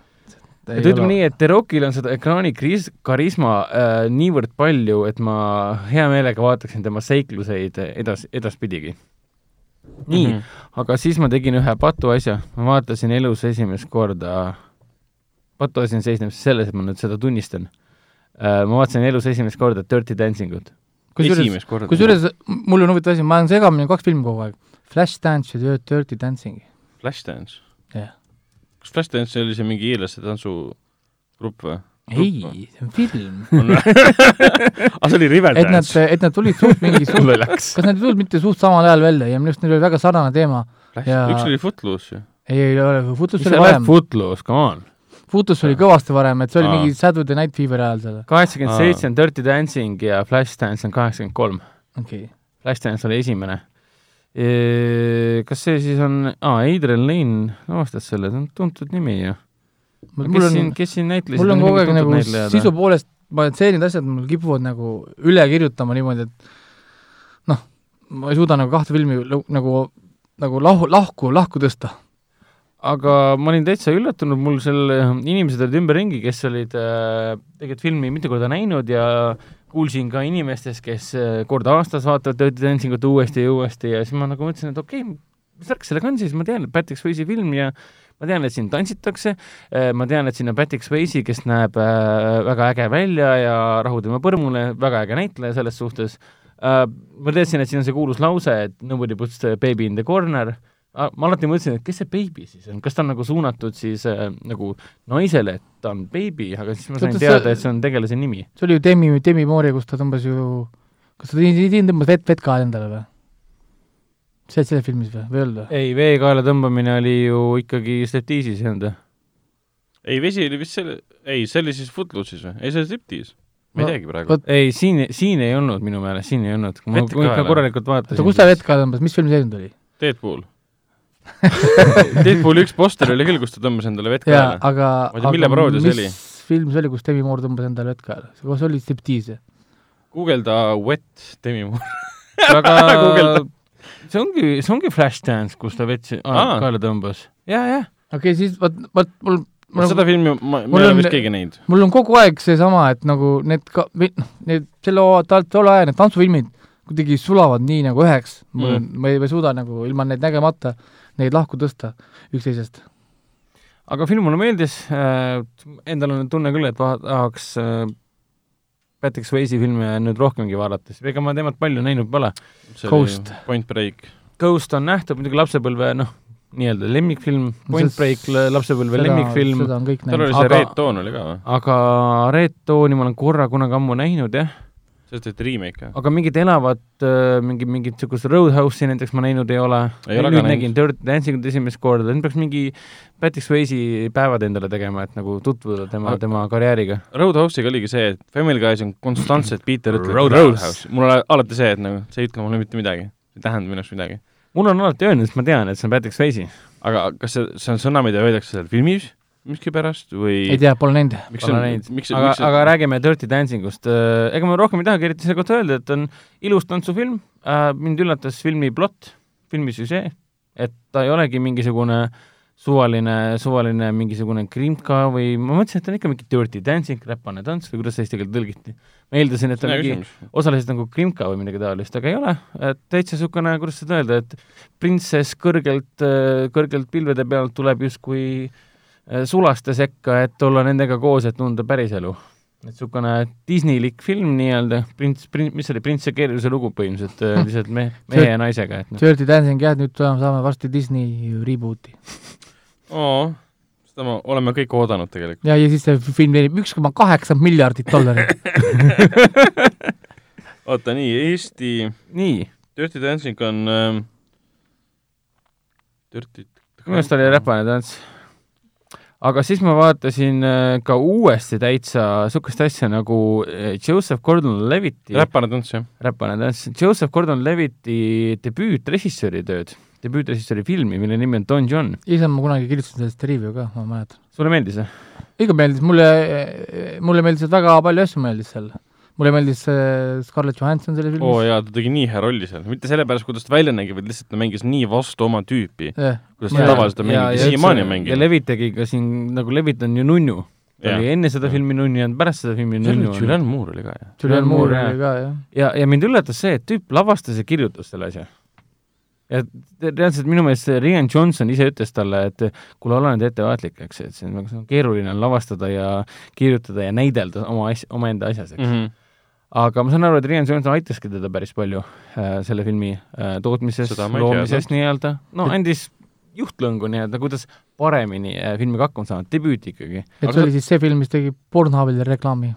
põhimõtteliselt küll, sest jaa, mitte põhimõtteliselt, vaid oligi ei, ta ostis seal ju klipis oli ju, tal oli peal pikk stseen, kuidas ta, kuidas ta läheb mingi tund aega aega, et leida lõpuks õige klipp, kuidas seletab sellele Julian Moore'ile sellele? Pornhub on täielikult ekraani peal olemas, et ma saan aru, et nad on kokkuleppeid ja ei, see oligi, see oligi, et, et, et see oligi päris nagu äh, product placement. jaa, et päris oh., päris mingi koroona ei olnud koroonaõlu siis, mitte viirus wow..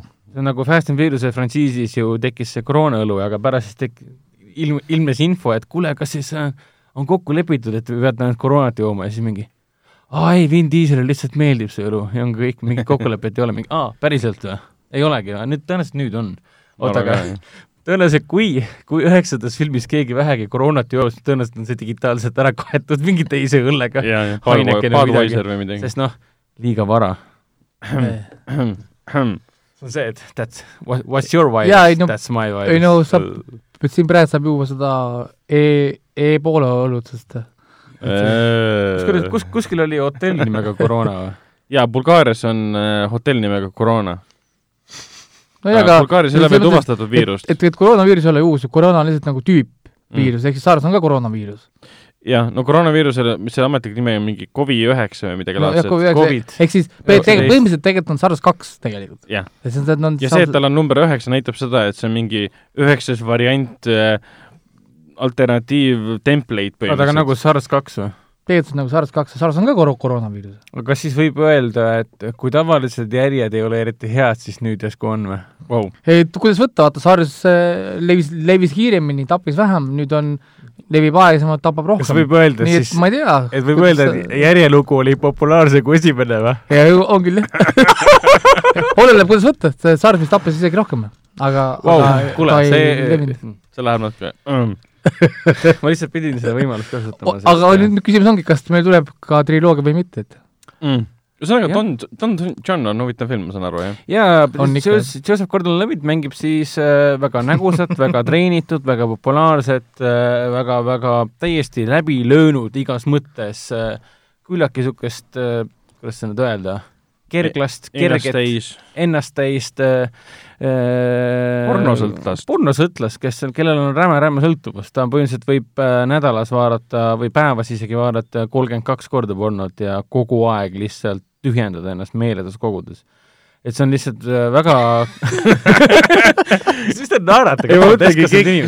kolmkümmend kaks korda tühjendada iseennast. selle, selles mõttes, et see film alguses mõjub naljakalt, et tal on justkui elu kõik olemas, igal õhtul viib endale tüdruku koju, aga kogu filmi point seisneb selles, et kui sa oled sattunud pornosõltuvusse või mis tahes sõltuvusse, et siis sa lihtsalt, sa ei suuda enam päris asjast saada naudingut, vaid sa lihtsalt sõltud sellest, mis on, mis on olemas sinu jaoks loodud nii-öelda mm.. ja film läheb isegi nii kaugele, et äh, ta loob sellest äh, karakterist sellise tüübi, kes reaalselt arvab, et see ei olegi film, vaid nad teevad seda päriselt seal pornovideotes ah,. see on ah. see hetk, kus Julan Moore teeb talle remargi, et kuule, aga see pole ju päris niikuinii, nad ju näitlevad ja siis selle peale jääb Levit Leviti tegelane reaalselt seisma, Don John jääb seisma reaalselt mingi, mida? muidugi nad on päris ja siis sul on muud naeratajal on näkku mingi mm, okei okay,, fuck you, läheb minema lihtsalt. see on kõik võlts ju, nojah. ja see on, ma ei mäletanudki seda stseeni, ma olin ka nagu, oh kurat, nii hästi tehtud. no selle, põhimõtteliselt filmi sõnum oligi see, et see Scarlett Johansoni karakter oli see, kes äh, luges liiga palju romantilisi, vaatas liiga palju romantilisi mm. filme, siis ta oli need äh, suht-, noh nagu äh, põhi, pani, pani oma need, jah, pani oma suhted siis meestele selle järgi ja mm -hmm. siis mhm. see Don, Don Don John pani siis, siis porno järgi. oma nagu nägemuse naistest porno järgi, siis nemad siis kahekesi seal peegeldasid, kus kohas noh, see Scarlett Johansson ootas alati, et mees käituks nagu äh, tema oma raamatutes, filmides on näinud, nutaks ja teeks talle mm. asju ette, taha hüppaks ja siis John John ootas, et see teeks nagu stuff'i. ja Jolan Moore'i mm. tegelane on siis filmis selleks, et äh, tuletada maal, meelde John, Johnile, et äh, mis on päriselu. tuua ta maa peale tagasi. film tegelikult tagasi. ongi nagu, mis ta ongi, toksilistest äh, suhetest, vala, väärarusaamast sellest, mis on armastus mida, mida mis kujutat, on suhe? mida kujutatakse suhe, suhtena endale ette? mis on üldse inimsuhted, ehk siis kuidas tänapäeva ühiskond, meedia on mõjutanud meie arusaama inimsuhetest, ehk siis need pole päris, mis me võime arvata, et see on päris, et see on meie isiklik arvamus, aga tegelikult see ei ole sinu isiklik arvamus, sa mm, -hmm. sa oled lihtsalt äh, vormitud äh, mingi kindla, ma ei tea, istud Facebookis liiga kaua, siis sa oled vormitud kellegi teise arvamuste põhjal ja sa arvad, et see on sinu isiklik arvamus, tegelikult see ei vasta tõele. ehk siis äh, kõik anti-vaxxerid, palun väga? jah täpselt, koroona tuleb. kui see vestlus on praegu live chat, siis vend kasutaks äh, lamba, lamba emojit.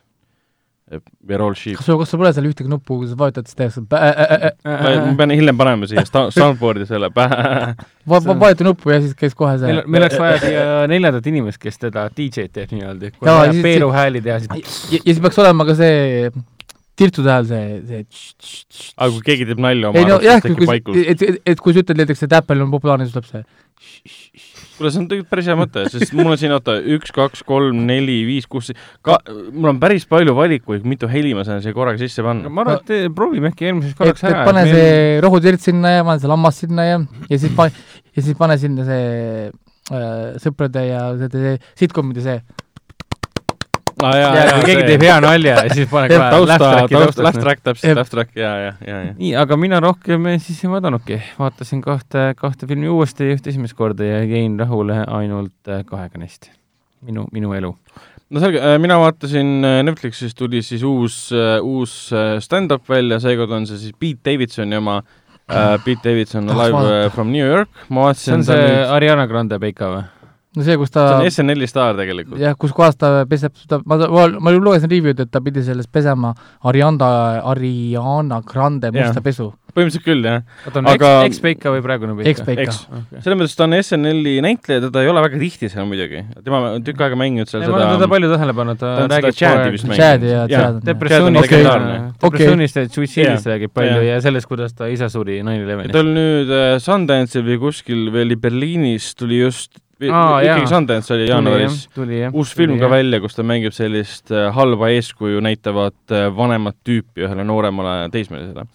aga see on põhimõtteliselt äh, jah, ta on näha, et see on filmitud kuidagi mitte spetsialina, et ta hakkab peale järsku, vahepeal on lihtsalt üks tiiter pandud ja lõpeb järsku. sest on näha, et ta on lihtsalt mingi esinemine võetud, see ära salvestatud on kõik, kuigi ta vahepeal teadvustab seda küll, et see on nüüd see äh, Netflixi jaoks mõeldud, et ta vahepeal ütleb umbes niimoodi, et see on nüüd see koht, kui inimene võtab pausilt maha ja siis ma vaatan otse kaamerasse, aa, tore, et sa tagasi oled, tegi seda kaks-kolm korda. et ta loodab, et keegi kogemata paneb pausile just sel hetkel, kui ta kommenteerib seda siis võtab pausilt maha ja siis Davidson vaatab sulle kaamerasse otsa, aa, tore, sa tagasi oled. et siuksed, siuksed naljad, aga ta muidu räägib jah, päris pikalt Ariana Grandest ja kõigest sellest, et see oli päris, päris hea nali, kus ta võrdles ennast ja siis nagu teist kuulsust. et kui Grande käis temaga väljas, siis Grande ei teadnudki, kes ta oli põhimõtteliselt kogu maailm ei teadnud, kes ta oli, siis kogu maailm sai teada, kes on Pete Davidson tänu sellele, et ta temaga koos Grande väljas ka ei käis. teadnud, kes ta on või? see on niisugune kummaline väide selle koha pealt, et sul on Google. nagu ei ole raske inimese nime sisse panna. Grande on niivõrd suur staar et Grande ei pea guugeldama, Grande No on niivõrd suur staar, et talle tullakse ja annetakse hõbekandikul mingisugune informatsioon, kui seda kas- ei anta, siis teda pole olemas kas. see Grand ise ei teinud seda SNL-i kunagi või? jah, on teinud jah, selle osalenud ka, jah. anna see Grande on mingi viis või? ma ei, ma ei tea, ma pakun, et on mingi kakskümmend, kakskümmend kaheksa, ta on mingi veri Jah. vist, iga kord, kui ma olen tema mingi muusikavideosid, ma ei tea, mis põhjusel sattunud nende peale, siis mul alati tekib niisugune tunne, et mingi äkki paneme ühiskonna põlema, ei, liiga noor või? ei, minu arust on mingi kakskümmend viis. ma pakun, et ta on ikka selles, selles kahekümnenda mõttes lõpus., ütleme nii, et kui ma tahan striptiisi vaadata Youtube'is, siis ma lähen pigem, ma ei tea, striptiisi klubisse või? Õnneks me ei ole nagu muusikakriitikud siin, et me räägime siin, või kultuurikriitikud, me räägime ikkagi filmidest. aga mm, Netflixi spetsialina stand-up'ina on ta naljakas, mulle ta nagu meeldib. Ma ei vaadanud teda küll muidugi niimoodi otseselt, ma vaatasin teda tööl ja 26. vaatasin kodus taustale kakskümmend kuus aastat vana. no vot, vot, vot. aga seal ta Grande kohta teebki päris ühe huvitava, huvitava tähelepaneku, et eh, kuna ta oli lahku ära läinud, siis tema siis, Davidsoni sõber ütles talle, et jaa, kui sa kuulsid, et Grande rääkis kuskil, et ta läks sinust lahku, et sa olid tegelikult nagu selline ajutine fling, et üle saada eelmisest nagu suhtest. ja siis Davidson mingi, aa jaa, ta ütles seda kuskil siis nagu oma sõpradega, et see kuidagi jõudis sinuni. ei, ta ütles seda mingi ajakirja Vogue'i esikaane loos. Siis aa, okei okay., nojah siis. siis ta ütles, aga kujuta ette, kui mina seda teeksin et lähen ajakirja esikaanele, värvin ennast pruuniks, no ütles nagu Grande kohta, et Jah. värvid ennast pruuniks, lähen sinna ja ütlen, et, ütlen, et oli lihtsalt see mingi suvaline fling minu jaoks, siis mind hävitatakse ära, aga Grande seda teeb, siis ta on tugev ja võimas naine. tegi niisuguse nalja ära. jah, aga see niimoodi käibki. selle asja nimi on topeltstandardid. nojah, jah. jaa, sorry, see on äh, meie ühiskonna tavaline standard mm.. jah, vabandust, tavaline standard. seal on see väike piinlikkuse aste sees, et ta kohati teeb niisuguseid hästi palju nagu geide üle nalja ja ta teeb hästi palju nagu oma peenise kohta nalja ja kohati sa näed, et publik ei lähe kaasa. publik lihtsalt on vaikne tšakkel käib. ei ole niisugust Bill Burri stiilis meeletut naeruvahakut. ja see on võib-olla tema see nalja mõte võib-olla mingit ongi. geinalja ma siin Netflixi treilerist nagu nägin ja siis ma tabasin ennast kohe mõttelt, aga no see on okei okay,, et sa oled gei ja need, need naljad, mis nagu geide põhjal, mis ta te- nagu tegi siin reaalselt, mõjusid väga magedalt. no tal on, üks näide ongi umbes selline et nagu ta mõtles selle nalja kuskil kümme aastat tagasi välja. jaa, et ta kohati on niisugune ma mõtlen, et keskmisel gei, gei mehel või gei naisel on ka jumala mingi ah, mõtle, mis aasta praegu on, välja, mis aasta praegu seal üks nali näiteks ongi selline, et äh, umbes toob mingi situatsiooni, et ta on oma tüdrukuga väljas näiteks ja mingi teine mees läheb tema tüdruku juurde ja lööb talle käega vastu tagumikku ja siis, kui Davidson hüüab talle, oh, mis sa teed, siis tüüp ütleb, et aa ah,, ma tulin kapist välja, ma olen gei. I got a pass. Siukse, siuke nali on põhimõtteliselt selle koha pealt oli küll, see on veits cringe nali, sest et seal muidugi võiks kohe lisada mingi Kevin Spacey kohe nalja sinna otsa, et no jah, et, et kui sind süüdistatakse pedofiilias, et siis äh, aa, ma tulen, ma tegelikult olen gei. jah. noh, et saad selle gei pass'ina. no ja, ja see näide ja. sellest naljast mõjub umbes nagu mingi Ed Helmsi ja Seth Rogani, ma ei tea, kümne aasta tagune komöödia, siis kui nad popiks said. jah, põhimõtteliselt küll. et kus sa oma naljad said sellest mingist Blacklisti stsenaariumist mm.. aga ta ikkagi lõbus ja tore, kui Davidson nagu ütleme, inimesena või näitlejana meeldib. Ah. ja siis ma olen sõpradesse vaadanud, sest sõbrad on ägedad, siis ma vaatasin üle pika ära mingi aasta aega lihtsalt sõpru uuesti vaadanud? jah. ta vaatab lihtsalt endless ringi ratasse. jah. mul on sama asi Big Bangiga, nii et jah, aga siis ma, siis ma vaatasin üle pika, vaatasin Back to the Future'i uuesti ära ja tuleb välja, ma nägin seda liiga ammu, sest ma üldse ei mäletanud pooli asju, mis seal filmis toimus. seal, seal, seal on päris palju asju tegelikult, see on päris, päris tempokas, see on jube temp-, tempokas film. ei, mul polnud kui... üldse meeles, et Doc Brown alguses maha lastakse jah, jah, täiesti null. ja see, ta läheb ju seda ju muutma ju seda. no täpselt, mul polnud üldse meeles, mul polnud üldse meeles, kuidas see lõppeski, et ta jõudis sinna, jäi hiljaks ja siis Doc Brown oli elus tänu sellele, et ta oli selle kirja lõpuks avanud. ja siis tal oli see vest või see ei, mul täiesti null, mul oli meeles see, et ta läks minevikku, oli seal oma äh, emaga no ei olnud, aga peaaegu. mis ja... mahalaskmine? algab filmi, algab sellega, kus kohas need, kelle käest ta plutooniumit sai või seda tulevad, tulevad Liibüa, äh, Liibüa terroristid. tulevad talle järgi. Liibanoni terroristid. oli jaa. ja siis ta paneb selle autoga ja. minema ainuke põhjus, miks ta ajas tagasi läheb, on see, et ta põgeneb terroristide eest, et päästa ära Doc Brown ja minevikku jõudes ta saab teada, et Doc Brown ei tea mitte midagi sellest, mis on ajamasin, siis tuleb välja, et see ongi see paradoks, et tema tekitas minevikku minnes talle idee sellest, et ajamasin teha. ja, ja siis ta annab selle kirja, siis ta saab sõimata, et ära anna mulle kirja, sa rikud tulevikku ära, et kas ma ei öelnud sulle seda varem. ja siis, siis mingi... ta pärast tegelikult ava-, avas selle kirja ja siis ta kannab seda vesti. täpselt, jah. aga ei, muidu ilusti lavastatud film, ma vaatan teise ja kolmanda osa kindlasti ära, Amazonis on kõik olemas need ja hiljuti kuskil räägiti ka, mingid jutud olid mingist neljandast osast või mingist reboot'ist või mis iganes, aga minu arust režissöör Robert Zemeckis on selle kohta mitu korda öelnud, tema selle vastu huvi tunneb. kusjuures see äh, kinoveebis ma tegin selle väikse video, panin mingi hetk sinna, see deepfake. keegi võttis selle ah, klipid, klipid ja siis nad asendasid selle Martin McFly Tom Hollandiga äh, ja, ja, ja siis Emmetist äh, tegid siis Robert Downey Jr. see oli päris, päris hea, päris hea. tegelikult deepfake on muutumas nii heaks, et sa ei, sul ei olegi vaja mingit sada viiskümmend miljonit kulutada näoanimatsiooni peale. sa lihtsalt kasutad deepfake'i. teeb deepfake'iga, annad selle uuesti välja, selle põhimõtteliselt ongi remake põhimõtteliselt, on rohkem aega vaja.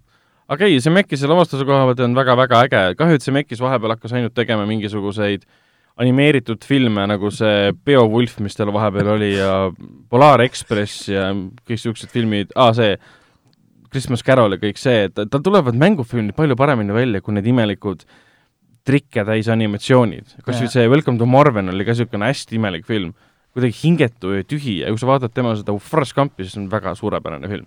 Ja samamoodi on siis äh, ka Back to the Future'iga. vot, aga sellega said meie filmid ja seriaalid läbi, mis me oleme vahepeal vaadanud, räägime ka kinofilmidest. oota, aga äh, oota ma tahan ühte asja kommenteerida. ma võtsin praegu kinoveebi lahti, vaatasin Raiko arvustust äh, seriaalist nimega Ma ei ole sellega rahul, mille pealkiri on päris väga andekas kusjuures ma ei ole sellega rahul, on Stranger Thingsi ja Carrie juhuslikult õnnestunud sohilaps juhuslikult õnnestunud yeah.? jah, et sohilaps, kes on õnnestunud. E-, et, et see tegelikult ei, et, et see tegelikult ei tohiks äh, nagu õnnestuda oota, aga sohilaps võib ju õnnestuda ka kogu aeg, selles mõttes see on no see sõltub, mis, mis staatusest sa pärit oled, et mõnikord sohilaps no, on ju paha asi. ma ei usu, et see oli taot-, taotluslik neil sellepärast. sohilapsed mm -hmm. ei ole tavaliselt taotluslikud aga igatahes okay. keegi, keegi on siia alla kommenteerinud väga kummalise kommentaari, ehk siis ta pani siia nii, ja ma tsiteerin äh,, lume, lumehelbekesed fännavad lastesarju, kolm punkti ah?. kui no, päris, päris aus olla, siis mina sellest ei saa midagi aru. see on kommentaar, ehk siis su esimene viga oli see, et sa lugesid kommentaari oota, et, et lumehelbekesed, oota, mis selle osa oli? lumehelbekesed vännavad lastesarju ma ei, ma ei, ma ei saa aru. ja siis see seriaal on lasteseriaal sellepärast, et seal pildil on laps või? Või noor inimene? see on, see on noortele suunatud küll muidu, see on, tähendab, ta on ikkagi suunatud, ongi umbes selle, sellistel ea-, ealistel. küsimus on nüüd, kas seitsmeteist, kaheksa aastane on laps või ei ole? jätame selle küsimuse kuskile teise saatesse.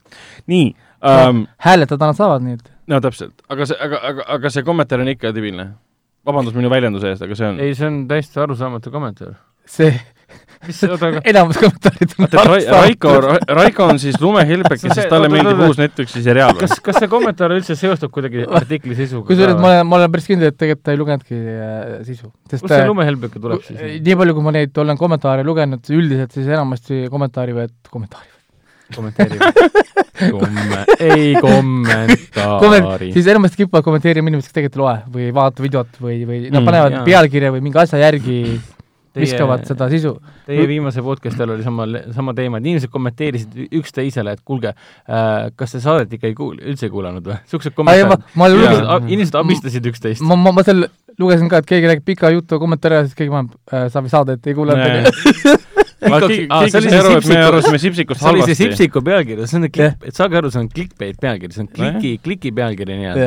ja, ja, ja, ja siis nad kõik trigerduvad sellest, et pealkirjast ja need on, need on need tüübid, kes ütlevad, ärge olge lumehelbekesed, miks te vihased, vihased olete selle sipstiku peal, aga samas äh, saadet nad ei kuula, nad ei vaata ka sisu korda ja nad, nad täiega trigerduvad, nagu üks korralik lumehelbeke peab trigerduma mm. pealkirja peale, lähevad lahmima yeah.. ehk siis, kes nüüd lumehelbeke on nagu noh.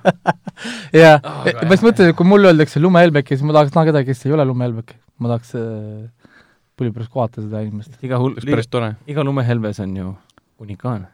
jah yeah sellest see lumehelbeke tulebki, vaata. jah. me kõik oleme unikaalsed Uni. unikaalne ja kurb, kurb tõde on see, et me ei ole, me oleme üks bioloogiline mass lihtsalt, aga yeah.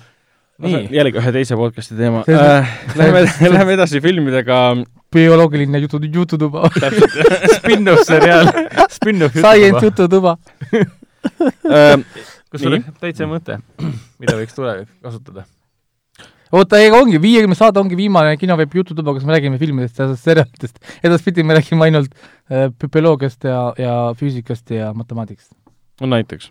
nii, eelmine nädal alustasid siis äh, kinodes äh, väga mitmed filmid äh,, näiteks nagu Sipsik, Sipsik., Kalašnikov, mis on siis äh, kuulus, äh, kuulus tähendab, suur vene film kuulsast mehest, kes aitas leiutada Kalašnikovi relva. oota, Sipsik on see la lastele keelatud õudusfilm? jaa, see on see Chucky ri-, Eesti remake. see on see, kus on need Anu trus-, trussikud on hästi olulisel kohal wow. What the fuck see oli praegu aa, me eelmises saates rääkisime päris pikalt sellest. aa, ma nii kaugele ei jõudnud. kusjuures ma Võrus Kandles vaatasin, siis ma mõtlesin ka kordagi, paar korda, et kuule, aga kas oli vajadus ikkagi miks nad välkuvad kogu aeg niimoodi? animeerida võta omal netist lahti see, need kommentaarid meie selle eelmisel sellel oota, mida? võta korra lahti. seal räägitakse ka tussikutest või? palun mõtle ja mine, mine ära, ärge, ärgem hakake nüüd lugema otse eetris äh, Sipsiku kommentaare Delfis, et see lõpeb ainult väga, väga hästi. ei, seda ei peagi lugema, ta lihtsalt peaks minema ja leidma selle üles. mine okay. selle juurde, kus on see loos, seal loosi kõrval, vot see näed, siit saad kohe selle kätte. siin või? ahah. kirjeldage mulle ka, mis te teete. nii, mis ma siit otsima siis pean? Ah, võib-olla äkki see oli hoopis Sipsiku riivi juures ka, ma ei ole, ma ei ole kindel, millise, millise sa Sipsiku arvustuses mainisid ka, et filmis on kummalisel kombel hästi ei, ma ei, ma ei maininud seal trussikuid, aga üks inimene otsustas ise mainida seda, et miks ma jätsin selle mainimata ahah, miks, miks sa jätsid mainimata? et võta siis ah, Sipsiku riivi äkki, äkki peaks siis, kus see riiv sul on? see tuli poole. enne avangut ikka ju. et keegi tundis ennast puudutatuna, et sa ei maininud äh, alaealise lapse russikuid, no selge. veel allapoole, veel allapoole. nii eh,, Hendrik ja Raiko otsivad mingit kommentaari. sa toodad liiga palju stuff'i lihtsalt, noh. ei leia midagi. Raiko on tootnud äh, kümme tuhat erinevat lugu Sipsiku kohta. ei, ei, veel allapoole ja otsime ja otsime. näed siin. aga nojah, siis. äkki aga... peaks siis äh, politseisse teatama või mis kommentaar see on siis? vaata, vaata, kohe varsti sealt leiad selle Pole ikka veel leidnud või? ei, ta nüüd jõudis sinna review'ni mm, -hmm. seal on kolmkümmend kaks kommentaari. arvustuseni okei okay,, aga jätka sinnani kaua, ma otsin selle kommentaari üles. okei okay,, aga jah, Sipsik alustas eelmine nädal kinodes Kalašnikov, Vene film Kalašnikovi relva loomisest, mille ametlik nimetus on mingi teine, see ei ole see Kalašnikov uh,. siis tuli Brahms äh, Poiss kaks, mis on siis oota, mis asja sa ütlesid praegu? Kalašnikovi relv ei ole tegelikult Kalašnikovi relv, tal on ametlik nimetus ka olemas, mis no, ei ole Kalašnikov. sakslaste põhjal tehtud relv on kõik. nojah äh, Brahms poiss kaks, mida me keegi meist ei ole näinud, siis tuli veel Kinno Artis jõudis näiteks Ma olin, ma olen, ma saan olema, saksa romantiline draama, parimad aastad me elus, mis on siis Mees ja naine ja Mees ja naine kakskümmend aastat hiljem filmi järg, kolmas osa, mis on Artises meeletu hitt, ja siis Xavier Dolani uus film Mattias ja Maksim ja siis hullumeelne äh, rõve äh, film sarimõrvarist Feitakini lavastatud Kuldne kinnas. Ja meie oleme nendest näinud siis, me no tahtsime pikemalt rääkida juba Sipsikust, aga Sipsikust me rääkisime eelmine kord päris palju, ehk siis me võime selle koha juures säilida, rääkida siis sellest kommentaarist, mida Henrik üles leidis. ausalt öeldes meil on laste, lastesõbralik saade, et ei taha või? okei okay.. mina, mina, ma ei tea, kuidas, mis Raiko arvab, aga ausalt öeldes mina, mina ei tahaks seda, sellist kommentaari siin saates ette lugeda. ei, ei pea, ei pea. sest Sipsikust me oleme juba eelmises saates väga pikalt rääkinud, ja, ja kusjuures me eelmises saates tegelikult rääkisime ka sellest trussikute teemast veits. jah ah,, ja Hendrik, kui sina tahad omalt poolt midagi nüüd rääkida ka Sipsiku kohta, sest sa ei ole veel podcast'is kordagi Sipsikust saanud rääkida. kui sa tahad midagi mainida, siis sa võid seda teha. ma pole kindel, kas see, mida sa hakkad ütlema, on see, mida me ootame või see on miski, mida sa kordad eelmisest saatest juba? ma ei kuulanud seda osa, mis te rääkisite Sipsikust. aga igal juhul sa võid midagi kommenteerida, mis sa filmist arvasid uh,? Mulle Sipsik aga meeldis äh, ma olin väga heitunud sellest äh, Sipsiku, nõndanimetatud Sipsiku skandaalist äh,, mis tekkis.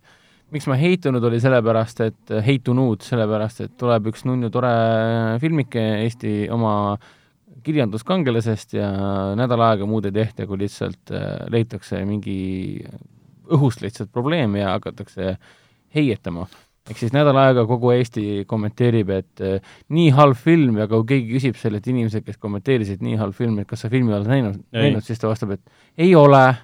aga miks ta no. halb on, sest keegi ütles? see, on seesama põhimõtteliselt jutt, mis me eelmine kord ka rääkisime. siinkohal ma pigem soovitaks inimestel ikkagi noh, aru pähe võtta, et ärge nüüd äh, muutuge nagu Twitteriks nii-öelda, et Twitteris, nagu Raiko enne mainis, et lahmitakse, lihtsalt lahmitakse. kas keegi on kellegi reaalselt Rää, rääkinud kellegagi, kas on, kas keegi, kellelgi on mingitki kokkupuudet teemaga, mida ta lahmib, sellel pole tähtsust, sest tõenäoliselt ei ole. ja samamoodi on Sipsikuga, öeldakse lihtsalt, et crap, ma ei võta oma lapsi seda kaasa, selge, see, keegi suvaline inimene uudis, see lugeja kirjas ütles, et see on mm -hmm. halb film, järelikult ma ei lähe vaatama. okei okay,, sa, kas sul on siis iga kommentaariga niimoodi, keegi kommenteerib, ma ei tea, Browns Boys kahe treileri all, et tundub halb film olevat ja siis sa ei lähe ka seda vaatama või? No seda kas, ei peagi kas... vaatama minema. no jaa, aga ei, ei, point, halb näide. point on selles, et näide, näide seis-, näide seisneb selles, et äh, kuulake ikkagi omaenda nii-öelda südamehäält, nagu Sipsik õpetab ka tegelikult. no täpselt. et nagu vaadake treilerit, vaadake, mis kriitikud kirjutavad ja minge vaatama sina vaatasid seda teine asi ka see, et tegemist on Sipsikuga, Eesti kirjanduskangelane. sul on mingi mitu, mis on ka, alates aastast kaks tuhat kuusteist, seitseteist on nad seda teinud, nii et minge vaadake mis... kuus aastat. see oli, see oli see, mis ta ennem seda esilinastust rääkis, et neil oli mm -hmm. kuus aastat võttis aega see ongi, inimesed on rappu mööda vaeva, mööda vaeva näinud. tõenäoliselt on enam, enamik see... neist on lapsed endale sünnitanud selle ongi, aja, ja raske töö tegid. lasti siis veega alla mingi paar päeva enne, kui film ametlikult üldse välja aga kusjuures äh, mul on kaks teooriat on ju, e-, üks, üks teooria me eelmine kord rääkisime, vaata, oli see, et see on mingi vastuagenda, on ju, kellegi mm., kellegi poolt keegi kuskil ikka jäi millegist ilma, vaata, on ju, no ja nüüd on tige ja nüüd on mingi raha, raha propaganda, on ju, ja teine variant on nagu see, et see on nende enda propaganda. sest ei ole tegelikult ju sellist asja nagu halb reklaam ju. oota, et levitaja ise siis tegi selle ei, ma ei usu, et levitaja või võib-olla keegi, keegi teine, seal on ju mitu osapoolt ja mm., ja, ja, ja protsesse, kuidas noh, miks mitte teha sellist reklaami endale, mõtle, mõtle, kui korraks nagu noh, paar päeva läks nagu mööda ja ma veitsa hakkasin mõtlema, et kui ma tahaks midagi hästi promoda, on ju, siis ma e-, elu sees ei suudaks maha müüa positiivset imagot, sest me oleme eestlased, on ju. Mhm, eestlased mhm. on järjest skeptilised ja kui keegi hakkab rääkima, see on hullult hea film hmm,, palju sulle maksti selle eest, et sa seda ütleksid, et see on hea film no,? siis, aga kui ma ütleksin, et see oli jube halb film, ebanormaalselt halb film, isegi lausa õudne film, ohoh, on ju, saad aru, et äh, siis et kui ma ütlen, et ta on rämps, siis järelikult on aus. sest, sest siis tekib, tekib, mis siis tulemuseks on? Need inimesed, kes tahavad vaadata, need vaatavad niikuinii mm.. sest inimene otsustas ära, et ta vaatab Sipsikut juba see hetk, kui ta nägi esimest Sipsiku treilerit. siis see inimene oli võtta otsuse niikuinii ära, et ta vaatab või ei vaata. see on ka, see on sama põhjus, miks piraatus ei tee liiga filmidele ega mängudele. sest inimene otsustas ära, kas ta ostab selle mängu või mitte, hetkel, kui ta seda mängu nägi. sa saad aru, noh nagu ja ülejäänud on siis lihtsalt nagu noh, nii-öelda nagu niisama Mm. ja siis, ja nüüd, nüüd, nüüd, need muud inimesed kõik, kes siis nii-öelda nagu negatiivselt seda kommenteerivad ja seda asja jagavad, seda stuff'i, on siis need inimesed, kes tegelikult levitavad seda filmi sinu eest. ja siis inimene, kes võib-olla vot Sipsiku peale mõelnud, oh, Sipsik tuleb kinno, ma lähen ka vaatama nüüd. ilma, et ta isegi loeks või keskenduks, et seal on tegelikult mingi ma ei tea, Ott Sepa hääl on vale, et mu Jaa. film on õudne, on ju, ma ei tea, muud asjad on valed, oh issand, Sipsik tuli. ta poleks võib-olla näinudki seda, nüüd ta nägi, läheb vaatab ka. ehk siis nojah, ma arvan, et ikka kehtib see reegel, pole halba reklaamida. jaa, pluss teine on see, et kui sa nüüd lähed kinno ja oled äh, šokeeritud ja saades teada, et Ott Sepp teeb Sepsi- Sepsikule häält, siis sorry, et see kivi, mille all sa olid, on küll väga suur olnud. Ja jube, jube Mm. et ta teeb häält. pluss, mis siis on, Ott Sepp ongi Sipsik, nagu need filmitegijad ise ütlesid, nad käisid vist seal Hommik Anuga saates, Rene Vilbre ja lapsed ka, ja, ja, ja Vilbre, see oli, Vilbre oli vist äh, häälnäitlejate juhendaja, midagi taolist seal, ja ta ütles ka, et Ott Sepp ongi Sipsik ja ma olen Mm. täiesti nõus. ei, ta sobis väga hästi. mina jäin filmiga väga rahule, kõik, kes ütlevad, et film on liiga sünge, sünge, süngete teemadega, siis ma selle peale vastaksin, et äh, järelikult äh, kõik, kes ütlevad, et see film on liiga sünge, siis järelikult ei ole elus näinud mitte ühtegi Pixari animastuudio filmi. sünge, mis siin sünge sest oli? iga Nagu- iga, iga teine Pixari animastuudio filmid tegelevad äh, tegelikult raskete teemadega läbi lõbusa vormi. näiteks surmaga. Sipsiku sisu on äh, sünge, siis, siis, siis ma ei tea, kuidas te teete. nagu see Pixari see Onboard tuleb varsti välja.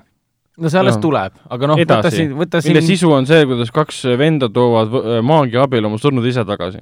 pool, pool tema kehast no mis iganes film, vaata Up on ka ju. No see on ka Up. Up oli sellepärast, et äh, pensionär läheb surema, mis asja nagu? ei no jah, et ta ei saanud lapsi terve elu, sellepärast et äh, jaa, ja võta, võta kalapoeg Neemo, su laps röövitakse ära. jah, siis läheb Trauma. otsima teda. su naine on surnud ja su ainuke laps röövitakse ära. su, su äh,, mis see nüüd ongi, puu, puudega laps röövitakse ära. Noh. noh, mis mõttes? Kas nagu riik, selliseid- riik tahab sinu maa ära, maa ära võtta. noh, mis iganes, et õudne on ju. ju noh. riik nõuab maamaksu, sa keeldud maksmast, tahab selle ära võtta sealt, noh. nojah, ega, ega niimoodi on, jah, niimoodi hakkad vaatama, siis sa avastad, et need on kõik päris et aga kui päris aus olla, siis äh, film mulle meeldis, ta jääb täpselt niisuguse Disney Animationi ja Pixar Animationi vahepealsele alale.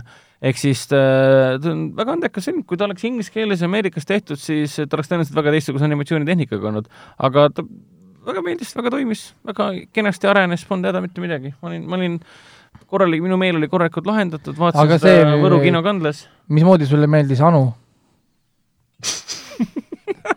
ei, ma mõtlen, ei päriselt, see Anu karakter, mismoodi sulle meeldis, et ta oli selline vinguv ja hästi tüütu? aa, mulle mõjus ta nagu laps. et äh, mulle käis ta õilgelt pinda, see Anu karakter. sellest ilmus hiljuti ERR-is artikkel ka. Mulle otseselt miks nad tegid Anu nagu peategelaseks ja nii vinguvaks? otseselt ta mulle pinda ei käinud, mulle mõjus ta nagu, nagu laps selles suhtes. laps ise on ka umbes samasugune, et, et tegutseb äh, meil läks äh, stuudios läks kell valeks, nii, räägi. Mulle mõjus ta nagu täitsa tavaline laps. lapsel on oma maailma ja oma nägemus asjadest ja ta, nad kipuvadki vinguma. jaa, aga jah, vot see oli minu see ainukene negatiivne kriitika filmi kohta oligi Anu. et ta liiguti ära või noh, selles mõttes tehti teistsuguseks äh, raamatu Anust, kui igal pool nad olid suhteliselt true on ju raamatule. siis kaks asja, mis nagu mulle ei meeldinud, Anu meeldib mulle üldse. tänamatu lihtsalt neurootiline vinguja. No, ja, ja, ja see, selles mõttes see ei andnud vaata mitte midagi juurde, sellised lapsed ei ole sellised, vaata. ja, ja see ei andnud mitte midagi nagu juurde, selles mõttes filmile, kui ta oleks olnud nagu normaalne laps on, oleks olnud täpselt sama ju. eks miks see vajalik oli ja teine asi oli see, et miks Sipsik ära läks, kui päris lugu oli, Sipsik kaob ära. kõik oleks täpselt samaks jäänud story, kui Sipsik oleks lihtsalt, lihtsalt autosse jäänud ilma selleta, et ta peaks ise jooksu panema. Kusjuures mulle see, mulle see sobis, et Anu oli niisugune, nagu need vist kriitikud on öelnud ka, et vinguviiul jah, on. äh,, sest see andis vajalikku konflikti ja see ja aga miks sul see- seda vaja oli, seda, konflikti? mul, mulle, mulle meeldis see, et nad kogu, ehitasid kogu süžee selle ümber, et kuidas äh, õde ja vend omavahel kraaklevad ja kuidas tegelikult peategelane või noh, Anu ei ole peategelane, Sipsik on peategelane. Anu on ikka peategelane. sest see on Anu, Anu, Anu story. aa, minu arust, minu arust oli. Sipsik peategelane. Sipsik tuleb ju mingi poole pealt sisse alles. mina olen, mina, mina olen tiim Sipsik, hashtag tiim Sipsik. Teie võite hashtag tiim Anu olla, aga mina olen hashtag tiim Sipsik. mina näinud seda siin lastega raaklemist ka, ma nägin ainult, et Anu vaid nõudis ja Mart ainult andis. ehk siis aga, aga mulle sellepärast meeldiski, et mida nad siin välja mõtlesid, et miks, miks Sipsik ära kadus ka, et just see, et Sipsik ise võttis selle, selle otsuse et ta lihtsalt ei juhtu asjad äh, nendega, et see, ta on mõjus nagu väga Pixar-likult, sest Pixaris on samamoodi, tegelased võtavad vastu mingeid otsuseid selle põhjal, mis on nendega juhtunud. et lihtsalt ei juhtu tingimata lambiseid asju nii-öelda, et see oleks nagu hästi lihtne lugu, kui midagi juhtub aeg tegelastega. no aga ta ei peagi olema ju noh, midagi keerulist, Sipsikaga, Sipsik ei olegi tuntud selle poolest, mingi hull süda on. aga mulle jäi küll mulje, et filmitegijad ja nad olid äh, täiesti veendunud, et ainus võimalus Sipsikut tänapäeva tuua on justkui Pixari lainel, et Pixar on näidanud, mida tähendab äh, lastele ja täiskasvanutele suunatud animatsioonid, ehk siis nii, nii kaheksakümne-aastane, kuuekümne-aastane kui neljakümne-aastane kui ka viieaastane, viieteistkümne-aastane kui ka üheaastane saavad kõik korraga filmi nautida. siis mulle tundus, et Sipsikuga nad püüdsid sama asja teha. ja minu meelest nad enam-vähem nagu tavaliseid noote küll ei no hea, noh, minu arust oli ta hea, hea film ikka, aga noh. jah, ja noh, kriitikast või siis positiivsest noodist on väga palju kasu olnud, sest film ju kujunes üheks kõige edukamaks avanädalavahetuseks üldse pärast vist, Tõde ja õigust. sada üheksateist vaatajat jäi vist puudu, et võita Tõde ja õigust. jah, ja see on nagu väga vähe, see on üks pisike, pisike siis ta jõudis kodumaiste filmide seas avanädalavahetuse teisele, teisele kohale. ja ta on edukam film avanädalase mõttes kui kõik kõige, need Teie jõulud, Tondikaakul kõige edukam perefilm. Lotte ja siis mis iganes filmid. hämmastav. no see on ju Sipsik ka, et noh, see on samamoodi, et ma teen Kalevi, Kalevipoeg punktfilm ja tulemus on see, et Eesti rahvas läheb vaatama seda, noh. loogiline ju. Kalevipoeg punktfilm. no ma tegin vihje, aga okei okay.. kuulge no., siin äh, olgu. Business ta ei tea praegult, et siin praegult just otse, otse-eetris loodi uus filmi production, mis on Novat Productions. Nova Productions. OÜ, kes hakkab siis tegema filmi äh, Kalevi, Kalevi, Kalevipoeg punkt eh, film ja siis saate investeerida siis läbi Facebooki lehe facebook.com Kalevipoeg film huvitav, kas kui see on praegu olemas, siis ärge sinna mingi raha andke, ma ei tea, kes seal on. kui te lähete veebi kalev.ee, siis seal kalevipoeg.ee, siis see on meie produktsiooni veebisait antud, antud filmile. ahah hooandis on ka olemas juba. nüüd ma lähen kontrolli, kas kalevi.ee on üldse olemas või? kindlasti on. kindlasti on, see on mingisugune teenusepakkuja Eesti meestele, kes tahavad tööd saada Soomes. selle saidiga ei saa ühendust. siis on päris hea. IP, IP aadressi ei leitud. vot aga sel nädalal alustavad siis Eesti kinodes Ohvitser ja spioon, mis on siis on? Roman Polanski uus film, mis siin kandideerib siis Prantsuse nendele Oscaritele, mida on Césari auhinnad siis kaheteistkümnele auhinnale, mis lõppes sellega, et et ähm, kogu Prantsusmaa on selle vastu, okei okay,, Prantsusmaa kultuurikud on selle vastu, mis lõppes sellega, et kogu Cesari nagu juhtkond, Board astus tagasi ja Polanski andis teada, et tema ei lähe kohale ka. Sest äh, kõik on jumala vihased, et see prantsuse teine, teine prantsuse film, see Portrait of a Lady in Fire, on Fire, sai jumal väga vähe nominatsioone võrreldes siis, ähm, võrreldes siis selle ähm, uue filmiga aga see olevat väga hea, ma olen mitme kriitiku suust kuulnud, kes käisid pressikal vaatamas, film on väga hea. vahet pole, mida Polanskis arvatakse vot. kui inimesed ei tea ju, Polanskil on skandaalid tema ümber ju. ja, ja täpselt, Polanski on et ta ei tohi vist äh, Ameerikas minna enam ju. Mis ta on viimased kolmkümmend aastat juba või? rohkem isegi. olnud põgenenud, jah. jah, korda, korra ta põgenes ära USA-s, kuna taheti kohtu alla vangi äh,, aresti, arestimajja panna põhimõtteliselt äh, alaealise äh, ärakasutamise eest ja nüüd ta on siiamaani Euroopas olnud erinevates, erinevates riikides. ja, ja kas Polanski naine ei olnud see, kes siis äh, Mansoni poolt ära tapeti? jah, Sharon Tate oli tema naine, kes tapeti Mansoni poolt ära ja nüüd ongi küsimus, et kui... või kas tapeti? ah? Sest, sest Tarantino väitis midagi muud ju. Spoiler alert! Tarantino näitas, et ta ei surnud ära. mulle see film üldse ei meeldi, sest ma spoilerdan selle räigelt ära kõik.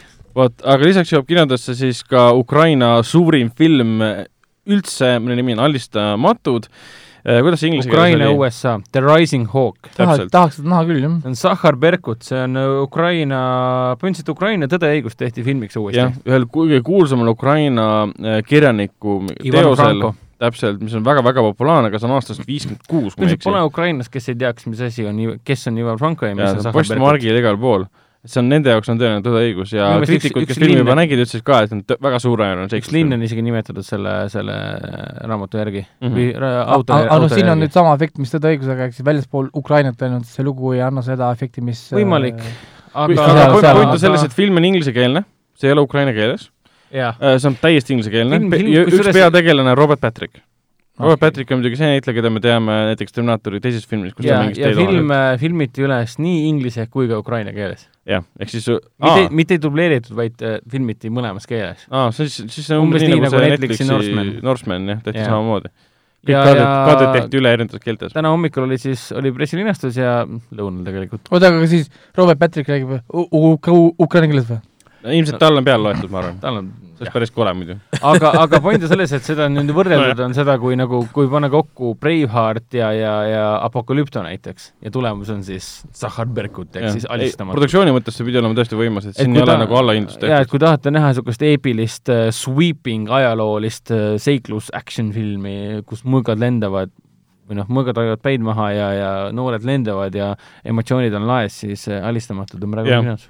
Ja siis kinno jõuab veel ka Tähekoer ja Turbokass, mis on uus äh, tore animatsioon. animatsioon, äh, ka eesti keelde dubleeritud, kõik need kolm filmi, mis ma praegu olen maininud, Ohvitser ja spioon, Alistamatud äh, ja Tähekoer ja Turbokass on siis nii Foorum Cinemas kinodes kui ka kinosartis. Äh,. kinodesse kinodesse jõuab veel ka Ürgne kutse, mida me oleme näinud, kohe räägime pikemalt, Nähtamatu mees, mida on Hendrik näinud, millest ta räägib pikemalt, ja ka Kansak Kimbo surmamängud, mida olen, olen, olen siis näinud mina ja on ka näinud Hendrik räägime ürgsest kutsest. tegemist on siis äh, Foxi filmiga, mis on siis noh, nüüd tegelikult Disney omanduses, film, mis läks maksma sada viiskümmend miljonit dollarit, issand jumal. mille peaosas on Harrison Ford ja üks arvutiga loodud koer. arvutiga loodud sellepärast, et see on väga-väga ilmselgelt arvutiga loodud koer. Ja kõik räägivad muidugi praegu umbes seda, et äh, see koer läkski maksma sada viiskümmend miljonit ja ülejäänud raha läks vist äh, Harrison Fordile palgaks. no ma arvan, et seal suurem DJ on, et Harrison Ford on naer-, naerma panna, noh. äh, seda ka, kuigi seda peab ütlema, et see suur kriitika selle arvutigraafika kasutamise suhtes on üsna alusetu. sest see, mida nad koer-pakiga teevad, sest see põhineb Jack Londoni tuhande üheksasaja kolmanda aasta romaanil The Call of the Wild, Ürgne kutse. ja ma ei tea, mis seos tal üldse selle romaaniga on, siis ma ei ole lugenud seda enda teada vähemalt ja lugu on tegelikult lihtsalt ühes koeras, kes satub erinevate inimeste, erinevate peremeeste sekka ja kuidas nad tema eest nagu hoolitsevad või ei hoolitse. see on ühe koera seiklusfilm. jaa, kuidas ära hellitatud äh, luksuses elav koer äh, röövitakse ja viiakse sinna äh, kaugele, kaugele Kanada mäestikesse äh, kelgukoeraks. jah, täpselt. Viiakse Ala- Alaskale, tähendab siis äh, kelgukoeraks. et röövitakse kodust, ütleme, rikaste inimeste juurest ära, reisib pikka aega kastis ja siis antakse talle ülesanne olla kelgukoer, millega ta ei saa hakkama, aga siis ta leiab endas selle ürgse kutse ja saab sellega hakkama. ja siis ta ühel hetkel satub jälle teise inimese kätte, kolmanda isim- inimese kätte ja siis ühel hetkel ta jõuab siis Harrison Fordini. ehk siis kui postri põhjal jääb tunne või teile põhjal tunne, et Harrison Ford on üks filmi põhitegelasi, siis ei ta on kõrvaltegelane, Pakk, kes on arvutiga loodud koer, ilmselgelt arvutiga loodud koer, on filmi peategelane. ja ta töötab minu arust suurepäraselt. see animatsioon, ütleme, kui sa vaataksid animeeritud filmi, kus on koer peategelane, ta töötab sama hästi mängufilmis, kus kõik muu on nagu päris. jaa, ja kõik need naljad, mis seostuvad äh, Harrison Fordi palgaga ja äh, arvutigraafikaga loodud koera äh, kall-, loomise kallidusele, siis ei vasta tegelikult tõele, sest minu teada üheksakümmend üheksa protsenti filmist on just nimelt loodud äh, arvutigraafikaga. jah, et kõik filmiti stuudios, kõik filmiti niimoodi, et näitlejad tegutsesid äh, üles ehitatud äh, võttepaikadel, kõik äh, rohelise, sinise tausta abil põhimõtteliselt loodi CGI maailm, see on küll meie, meie loodus, see on ju noh, see on ikkagi kauge-kauge minevik nii-öelda, metsik loodus, metsikud inimesed, metsikud kombed, see metsikud oli siis tavad. see Alaska kullapalaviku ajal.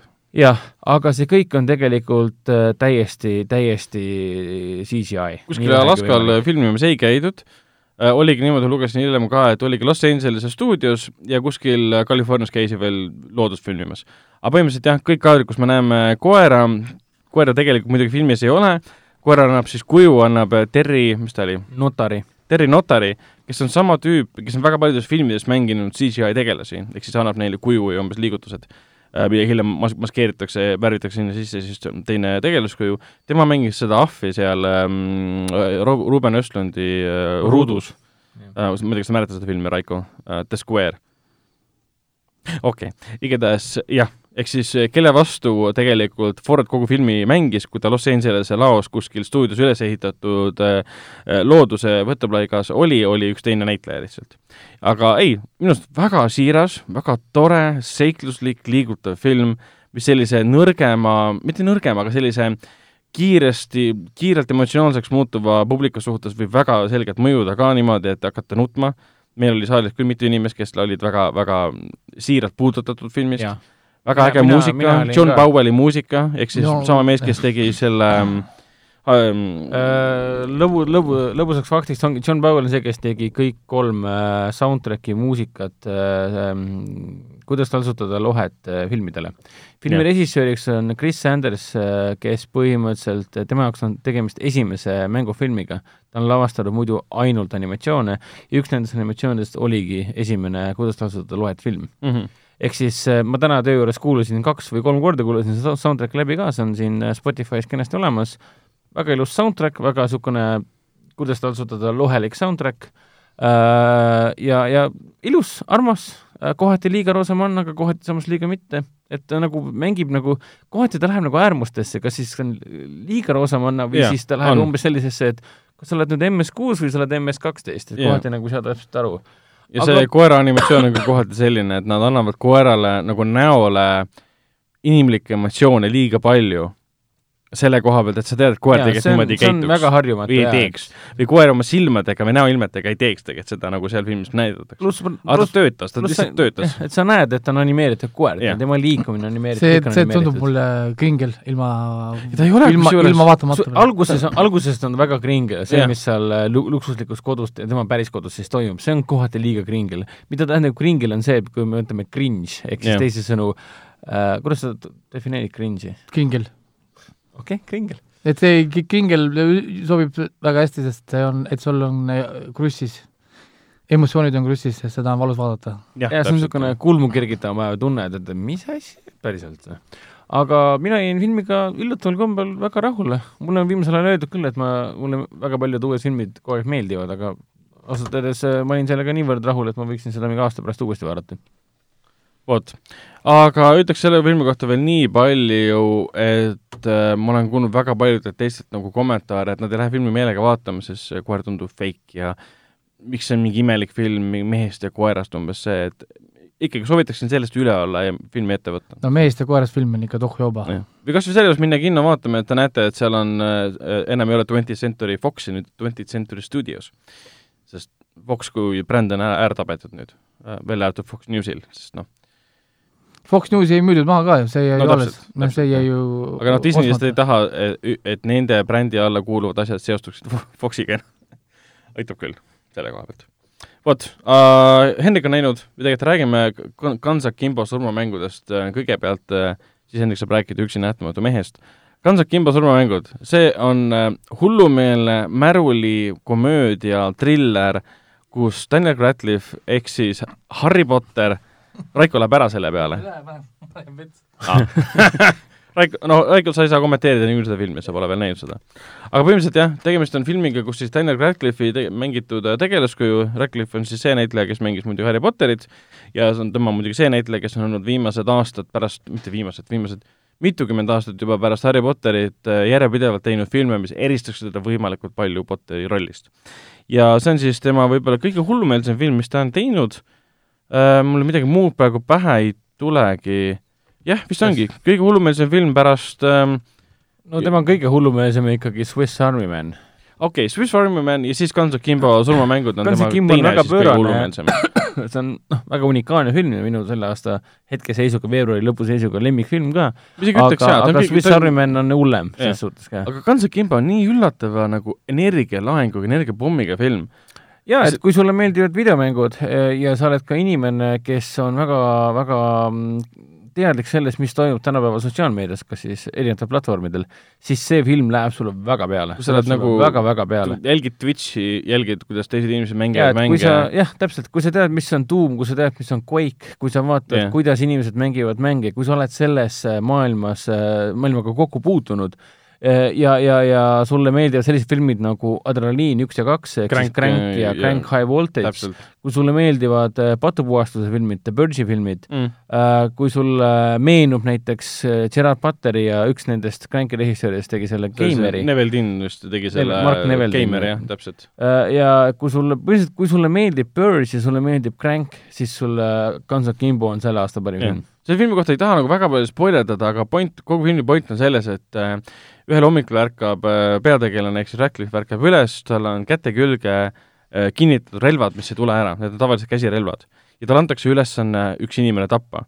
tal pole õrna aimu, mis toimub, ta ei ole mingisugune tough guy, ta ei ole nagu mingisugune märulikangelane, ta muutub selleks nagu filmi jooksul. ta on üksildane nohik, kes äh, ajab närvi hmm., ütleme nii, et ajab närvi valed inimesed ja tulemus on see, et ta äh, topitakse surma, surmamängu. on hästi populaarne reaalajas toimuvasse surmamängu, jah. jah, et kui me oleme muidu harjunud vaatama neid surmamänge veebis videomängudena, Uh, olgu selleks siis näiteks, ma ei tea, Quake, Quake Deathmatch, tõenäoliselt kõik on Quake'i mänginud mingi, mingil hetkel oma elus mm.. Uh, sorry, Fortnite et me räägime et inimesed saaks tänapäeval aru ka, millest sa okay, räägid. kui sa võtad, kui sa Quake võtad... on nagu Fortnite, see oli kunagi populaarne. okei okay,, kui sa võtad näiteks Quake'i või Fortnite'i mitmikmäng, kus inimesed võistlevad omavahel üks, üksteist maha lüües põhimõtteliselt, siis eh, Guns Akimbo on põhimõtteliselt see, et kui sa võtad selle videomängu ära, osa, ja paned selle päris maailma. nojah, võta, võta kas või ära see see, kus eh, Guns Akimbo peategelane töötab.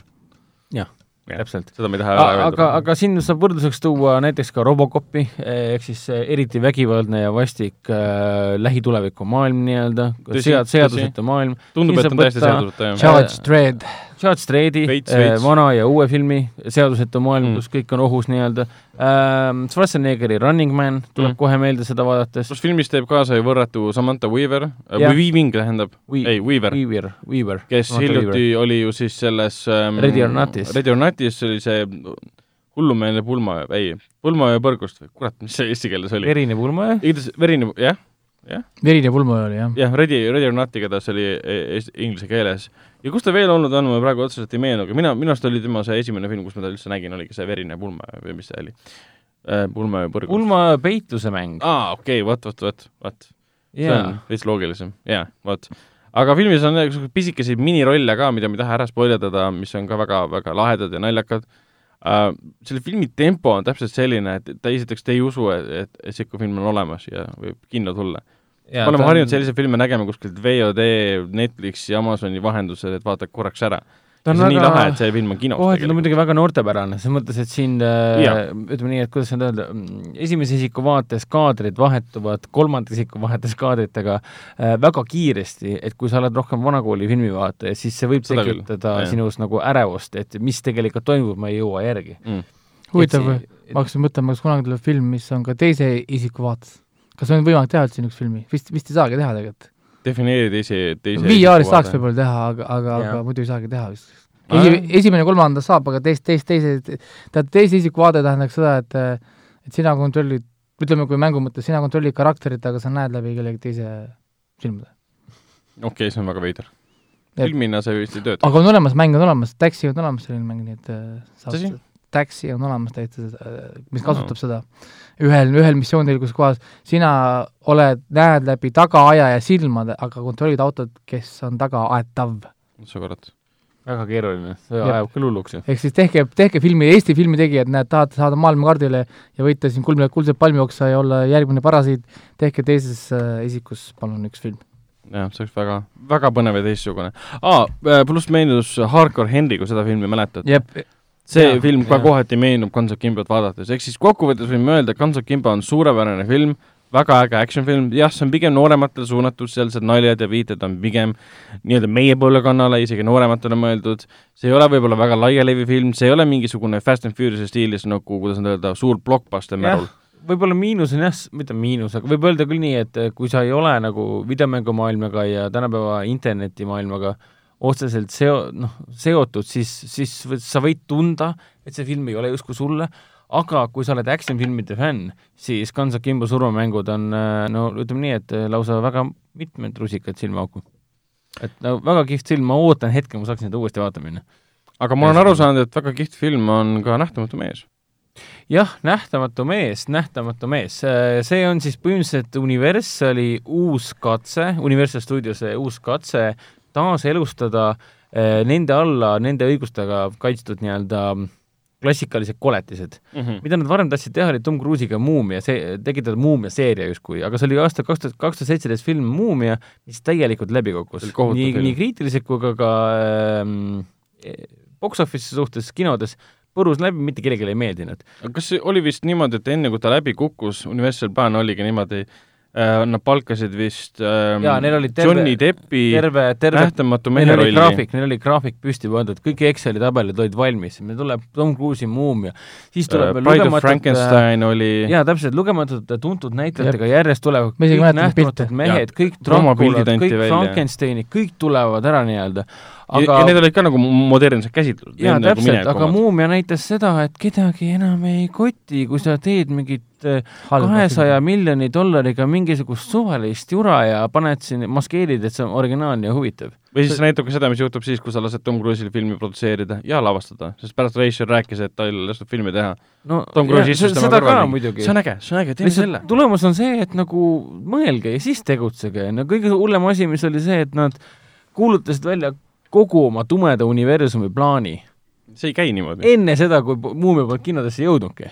nagu nüüd jõuab Nähtamatu mees kinno ja kõik on vakad, kõik on suud kinni, mitte keegi ei räägi, kõik Exceli failid on ära peidetud põhimõtteliselt. jaa, seda filmi ei seostata mitte kuidagi, lasti Blumhouse'il teha, ei Mida- absoluutselt mida praegu plaaniga. filmimaailm teab, on see, et Muumia kukkus läbi ja siis Universal tegi kannapöörde, pöördus äh, Jason Blumi ehk see Blumhouse'i poole, kes on tundnud selle poolest, et nad toodavad äh, äh, vahepeal, vahel väga nutikaid, odavalt tehtud õudusfilme, mitte noh, Mida siis- eelarve on madal, mitte nad ise pole mida odavad. siis Fantaasiasaar ei olnud.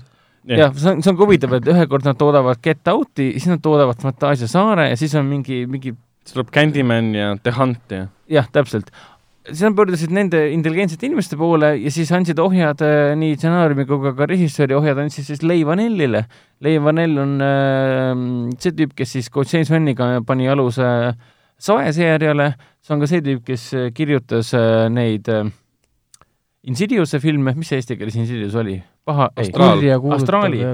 Astraal. äh, Astraali kurjakuulutav oli midagi muud. see oli see Sinister vist äkki või see pahaendeline hoopis? see oli paha Aa, endine okei. jah. Ma ei tea neid eesti ütles, et Leif Anelli taust on väga õudusfilmi põhine, tuleb väga heast taustast, ikkagi James Vanniga koostööd teinud nii Insidiuse kui Saega ja temale anti ohjad kätte ja tulemus on see, et ta tegi Elizabeth Mossiga, Elizabeth Moss on eelkõige tuntud siis tänu Handmaid's, Handmaid's Tale'i seeriale. Mad Menil ja Mad Menile ka. Ja, ja tulemus on see, et ta tegi äh, sügavalt psühholoogilise õudustrilleri, mis keskendub äh, oma peakarakterile ja sellele, missugune nähtamatu oht teda jahib.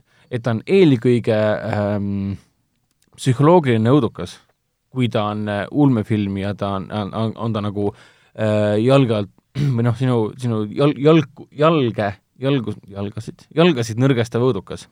jalgu.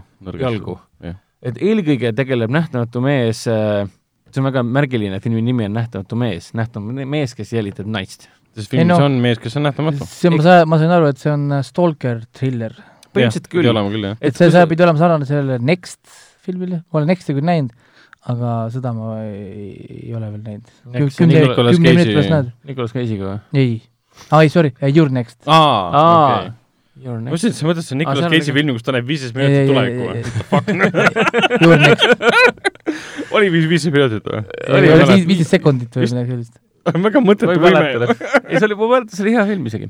aga Nähtamatu mees toimib, selles mõttes, kui sa võtad ära selle õudusteema, võtad ära selle ulmeteema, et miks keegi on nähtamatu ja, ja, ja mis, missugused õudust ja verd ja agooniat ta tekitab sel-, tänu sellele, et ta on nähtamatu, siis ta jääb alles põhimõtteliselt see teema, et kui sa, on inimene, kes äh, on välja surunud ennast emotsionaalselt ja psühholoogiliselt ja füüsiliselt väga vägivaldsest suhtest ja tal on väga-väga raske, tal on PTSD ilmselt, väga raske sellest välja tulla Mhm. ja siis ta on ühel hetkel veendunud, et noh, see ei ole spoiler, et tema ekspeika on surnud, see on filmi treileri, noh filmi põhimõte seisnebki selles, et naine põgeneb oma ekspeika juurest ära mm. -hmm. sest ta on vägivaldne hull, kompulsiivne haige tüüp, kes põhimõtteliselt tahab kõike oma, omandada Ah, siis see, aga see, aga see mees on hästi tark. aga see mees on ääretult intelligentne on ja siis siis ühel hetkel on siis Elizabeth Mossi tegelane täiesti veendunud, ta ei ole surnud, ta on nähtamatu. ehk siis kogu maailm ütleb talle äh, rahune maha, mine ravile, tema on täiesti veendunud, ei, ta on nähtamatu. Ehk siis selle filmi jooksul selgub, et mis siis tegelikult tõele vastab. ehk siis see kas, algupärase kas siis, kas siis tema näeb nähtam-, noh, näeb, kas siis tema, ma teen praegu neid jänku kõrvu, kas tema näeb nähtamatut meest või siis, või siis tegelikult äh, teda polegi olemas. jänku kõrv, ehk siis Hendrik ei pannud oma äh, sõrmi praegu äh, Raiko pea juurde, ei teinud talle jänku kõrvu, vaid ta tegi näitas äh, air quotes. air quotes'e, täpselt. aga ikka selle loo põhimõte on samaks jäänud, ma saan aru. Et sul on teadlane, kes muudab ennast nähtamatuks, ei saa ennast ja. tagasi, see on nagu samaks jäänud. mis Vels kirjutas, on mingis mõttes noh, see premise või siis see mõte on samaks jäänud, et meil on, meil on meetod ennast nähtamatuks muuta äh, ja see on kõik. rohkem nagu seoses romaaniga ei ole selles suhtes mm. -hmm. et romaani peategelane oli nähtamatu mees, antud juhul ei ole peategelane nähtamatu mees. siin on pigem see, et jah, et siin on pigem see, et kui sul on tehnoloogia ja sa ise oled nagu äh, värdelik, kompulsiivne, hullumeelne, mingi nartsissist põhimõtteliselt, ja sul on tehnoloogia ennast veel võimsaks muuta, mis siis saab nii-öelda? see on nii-öelda vastutus ka mingis mõttes. eks ma saan varsti teada, kuue minuti pärast algab. jah, varsti, varsti Raikal on kuus minutit aega, et jõuda kinno. igatahes kohe lõpetame ära ka. me oleme väga lähedale kinole. aga üllataval kombel äh, film kestab veidi üle kahe tunni ja ta on, äh, jah, ta on et ma jõuan täna, sorry, ma jõuan homme koju homme koju, jah. sellepärast ma täna ei lähegi, ma tahtsin, tahaksin täna koju jõuda. aga ta on üllatavalt kõhe, ta on üllatavalt stiilne, ta on üllatavalt aeglane, ta ei ole mingi tempokas hullumeelne action õudukas, mis sulle näkku korraga kargab mm -hmm. kogu aeg, ei, ta annab väga palju aega, et tegelastele areneda, ta annab ka aega sellele, et mis, mis tegelikult tõukab tegelast selle tagant nii-öelda, miks ta usub seda, mis juhtub ja nii edasi. et algul tegeletakse sellega, et ta on täiesti veendunud, et see nähtamatu mees on juba olemas enne seda, kui ta on nähtamatu ehk siis noh, see on PTSD teema, nii-öelda trauma teema. kui sind on ikka pikka aega traumeeritud psühholoogiliselt, emotsionaalselt, väga kavalalt kokku sõlmitud äh, allegooria, täpselt. isegi filmi ajal ma küsisin endalt ühel hetkel, et äkki, äkki kas seda nähtamatu messi siis ei ole tegelikult või mm.? noh, ehk siis võid filmist sind, äh, selle ulmelise äh, uskuma seda, et algul yeah. kuskil filmi keskel sa pole enam kindel, et aa, spoilidame kõik Raikole. ulmet siin ei olegi äkki siis või? et noh. põhimõtteliselt üt-, ütleme siis selle praegu ühesõnaga, sa kiidad heaks sest kõik maailma kriitikud, kui ma räägin siin Rotten Tomatoes'ist, IMDB-st, üldse arvustajad, kiidavad seda filmi kui väga tõhusat filmi, mida ei tasu võtta kui Me Too, hashtag Me Too ajastu stalker trillerit, vaid kui täiesti korralikku, adekvaatset, tõhusat ulmetrillerit. ja, ja ta on muidugi, ta on Me Too, hashtag Me Too aga väga paljud soovitavad, ärge võtke seda sellisena, jumala eest, kui keegi tomab teile seda sellisena, ta ei ole seda. ta on hea selle, näide selle kohta, et hashtag Me Too ajastu filme on võimalik teha intelligentselt ikka on võimalik, alati on võimalik teha. jaa, et kui sa tahad, siis tulemus on see, et filmi lavastas ju, kirjutas ju mees. Äh, kui sa tahad, siis tulemus on see, et sa oled mingi intelligentse asjaga hakkama saanud. kui sa ei taha, siis tulemus on mingi näkkukargav jura lihtsalt, millel pole mingit eesmärki mm. -hmm. no selge, aga meie läheme edasi uudistega, aga Raiko läheb vahepeal, käib kinos ära. ma ei lähe kuskile praegu veel. aga enne, kui Raiko päris ära läheb, siis räägime mõnest, mõnest filmi uudisest. Raiko keeldus, ta andis vennale lõuga, ta andis Ragnarile lõuga ei, ma ei lähe ära, ma tahan uudiseid rääkida, raisk! Raiko ootab viimase sekundini, et minna kinno. et olla meiega koos saates, see on tõeline, tõeline ohverdus. äkki ka Raiko on nähtamatu mees see oli halb. see polnud loogiline.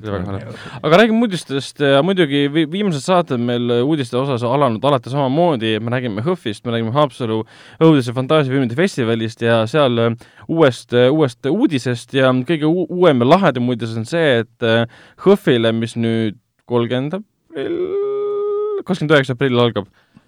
aprilli lõpus. oota, igatahes aprilli lõpp ja, ja, ja mai algus sinna tuleb Nicolas Cage'i uusim film äh, Värv maailmaruumist, äh, Colorado Space, mis põhineb siis Lovecrafti muidugi lühi, lühilool. miks ta sinna tuleb? sellepärast, et HÖFF on tänavu teeb kummarduse H.P. Lovecraftile. ja sinna tuleb ka kolmkümmend aastat. täpselt. kui vanaks ta saab? sada kolmkümmend aastat. Vau, ta on nii kaua surnud olnud. jaa. tähendab? tähendab no tegelikult ei ole, kui niimoodi mõtta, siis ta sünniaasta on tuhat kaheksasada üheksakümmend. ta on juba nii vana juba, sorry, ma ütlesin praegu valesti ta suri igatahes äh, noore ja vaese mehena, ütleme nii. nagu me kõik, nagu ta, me kõik. ta ei olnud kuulus omal ajal, ütleme nii. aga igatahes äh, see, see Colorado Space, Space on lavastatud Richard Stanley poolt, kes kunagi tegi sellise filmi nagu Hardware ka, mis põhines ka te,, tegi vist tema, tegi küll, mis põhines ka tegelikult Lovecrafti lool, kus on küberpunkfilm põhimõtteliselt, kus robot ärkab taas ellu.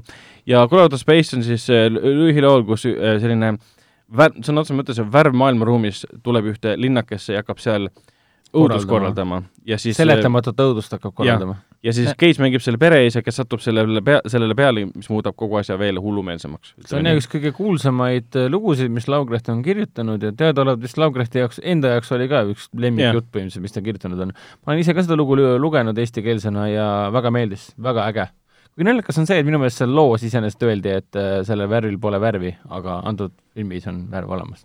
aga jah, põhimõtteliselt HÖFFil on kolm filmi siis. jah Lovecrafti teemalist. et üks neist on siis Andrew Lehmani ähm, Cthulhu kutse and the Call of Cthulhu aastast kaks tuhat viis ja siis on Stewart Gordoni Reanimaator äh, mis on väga legendaarne, see, mida mi-, mina olen ka näinud, see on siis Reanimaator ehk elustaja Herbert West see on, aastast äh, kaheksakümmend viis. see on klassikaline õudusfilm, kui inimesed on õudusfilmide fännid, siis siis sa oled Reanimaatorit siis näinud? sa oled reanimaatorit näinud, see on niisugune listides tavaliselt tuleb. või mõnda järge näinud? kui sa hakkad guugeldama umbes neid kuulsaid filme, siis sa jõuad väga kiiresti äh, Reanimaatorini. täpselt. ja mida ma veel tahan kindlasti mainida, et sinna tuleb ka eriline siis lühifilmide programm, kus on kõik siis äh, Lovecraftist inspireeritud lühifilmid, mis on kokku pandud va- vastava spetsialisti poolt. kuna pressiteates ei ole seda veel välja toodud, kes see spetsialist on, siis ilmselt see info tuleb äh, natuke hiljem. siis festivalile kohal on ka, on ka siis Lovecrafti spetsialistid, kes räägivad Lovecraftist, miks see oluline on. Ja miks ole kõige olulisem info tema juures see, et ta oli omaaegne rassist, sest ta elas, ma ei tea, tuhat üheksasada alguses või?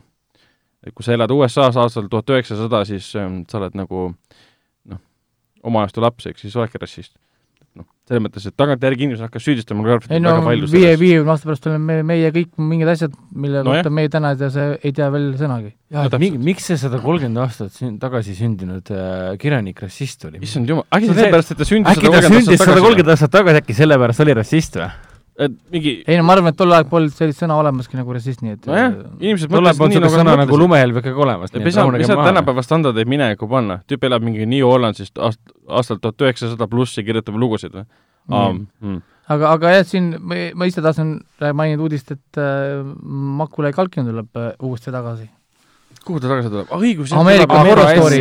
Horror Story, kümnendasse hooaega tuleb. seal on kümme hooaega juba, täiesti uskumatu, mul jäi mingi kolmanda juures pooleli. mul ei korraks pilgutasin ja siis vaatasin, kurat, kümnes on ma juba. vaatasin nõiad vaatasin ära.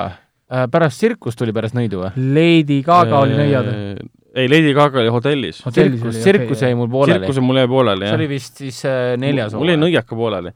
kõige rohkem mulle meeldis, meeldis oli see esimene kummitusmaja ja hullumaja muidugi. Nõiad Jaa. oli, oli kuidagi esimene oli muidugi kõige, kõige, kõige, kõige parem ka kohutavalt meeldis esimesed kaks mina, mina, jäin pooleli seitsmenda juures, andsin alla seitsmes Ei, oli see jaksa, mingi rõuanauk või midagi. äh,. ei olnud, see oli Slaughterhouse või? aa, isegi ei tea enam, millest Või see oli tsirkuse teema oli ka päris huvitav tegelikult. ühesõnaga, mul jäi jah pooleli seal see hak-, see hah-, hah-, hakkimise teema ja see söötas, söötade teema, mis iganes seal oli Mm. Aga loodame, et sul ei jää pooleli järgmine Bondi film, sest see on peaaegu kolm tundi pikk. ma nägin seda, see käis igalt poolt läbi täna, need uudised. kaks tundi ja nelikümmend kolm minutit, kõige pikem Bondi film, mis kunagi ja äh, enne seda kõige pikem Bondi film oligi vist äh, mitte Spekter, ähm, Spekter sada nelikümmend kaheksa minutit, täpselt. ja nüüd on siis sada kuuskümmend kolm minutit. jah, et selle kohta on hea uudis jälle kinoveebis, kõikide Bondi filmide pikkused panin sinna kirja ka. Äh, jah, kõige lühem aga Bondi, It kaks on ikka pikem. kõige lühem oli film enne, ennem seda. jah, äh, Quantum of Solace jep. oli siis sada kuus minutit Jep, ainult. jep. ja enne seda oli kõige lühem siis esimene Bond- Bondi film, Doctor Doctor No. No, jah. ja see Bondi film tuleb siis aprillis, kui ta on tõesti kaks tundi nelikümmend kolm minutit, siis see on nagu tõesti, me ei saa enam ühtegi uut blockbuster filmi, suurt-suurt filmi, suurte eelarvega, mis saaks olla alla kahe tunni. see on nagu võimatu. See on Bondi film, see on jumala okei, ta pikk on. jah, seda küll, seda küll. ma lihtsalt loodan, et ta tuleb ka hea film. et null null seitse Surm peab ootama, alustab äh, kümnendal aprillil, nii Mm. et äh, hakkab äh, päris pull olema meie elu. aga Raiko läheb nüüd päriselt ära, ta rääkis meiega kaks uudist ära ja läheb ma ja nii palju taha, tahtsin öelda, et kui äh, tänasest on Netflixis Altered Carboni teine hooaeg. jaa, mul Jaa, on Netflix hakkas hüüdma mulle juba, et tule, tule vaatama seda, ma ei saa vaadata, ma pole esimest hooaega näinud. ma ei ole ka. Vahest selle nädala kõige üllatavam uudis äh, oli see, et äh, see seostub järgmise Indiana Jonesi filmiga. me oleme ammu kuulnud sellest, et Dia- Indiana Jones viis tuleb, et on olemas, noh, neli filmi on olemas, ametlikult loeme siis kolm äh, filmi, sest need olid head, see Indiana Jones ja Kristall äh, pealuu kuningriik vist oli, oli Eesti täpselt, et see olnud enam nii hea, sest tal oli suured probleemid stsenaariumiga ja see film oli niivõrd halb, et ta, kuidas nüüd öelda, tekitas hästi palju äh, paroodiahõngulisi momente, ma mäletan kas või South Parkis. ja siis sellest ajast peale on tegelikult räägitud, et mis on järgmine Indiana Jones, et siis, kui tuli Star Wars Force Awakens välja ja Harrison Ford tuli tagasi oma siis äh, kuulsamasse rolli, siis arvasid väga paljud, et Harrison Ford teeb sama siis oma järgmise teise äh, seeria tagasitulekuga. aga siis oli, tekkis vaikus ja küll räägiti siin, et äh, tahetakse teha järgmisest ähm, ähm, Indiana Jonesist naine ja nii edasi. ja nüüd hiljuti siis äh, Harrison Ford ise andis mõista, et jah, varsti, kohe varsti, mõne nädala pärast hakkavad siis järgmise osa võtted. jah, ja tema on ikkagi täitsa osaline, mis kujul ja kui suures ulatuses, seda me hetkel ei tea. jah, küll ta mainis seda intervjuus äh, seda, et äh, miks on viienda osaga nii keeruline olnud.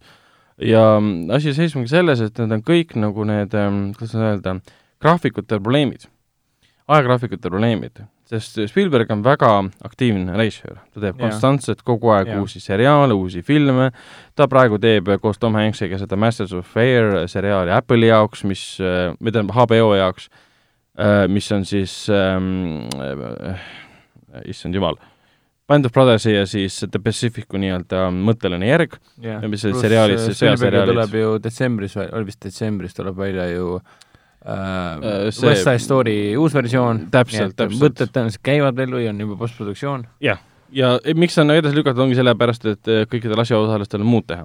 no pärast neljandat osa oli selge ka, et on, on, andke aega atre seada, et mõtleme no, asjad läbi, ma küll ei saaks öelda, et äh, neljas osa ehk siis äh, Kristallpealu kuningriik oleks nagu mingi meeletu rämps olnud aga, aga lihtsalt jah, kui sa nüüd võrdled esimese kolmega, siis, siis isegi teine osa sai väga palju vatti, et olles nagu väga-väga teistmoodi, väga teistsugune. peeti liiga süngeks, ma isegi vaatasin hiljuti neid kõiki kolme uuesti, peavad ajale väga hästi vastu, neljandat ma ei ole vaadanud uuesti. unustasin mainida, et ma ju vaatasin Luksi, Luksi, Luksi, Luksi bussis vaatasin Indiana Jones esimest uuesti. no vot, sa saadki see oli seal olemas. Värske pilguga öelda, et kas äh,, kas ja kui hästi ta ajale vastu peab väga hästi peab vastu, nagu võrratu film lihtsalt. nagu nii hästi lavastatud, nii ägedalt näideldud, nii hea huumor äh,, lavastuse koha pealt tõesti, ta on ilus vaadata, kui fantastilised kaadrid, võttepaigad, action, kõik mm., ääretult ilus.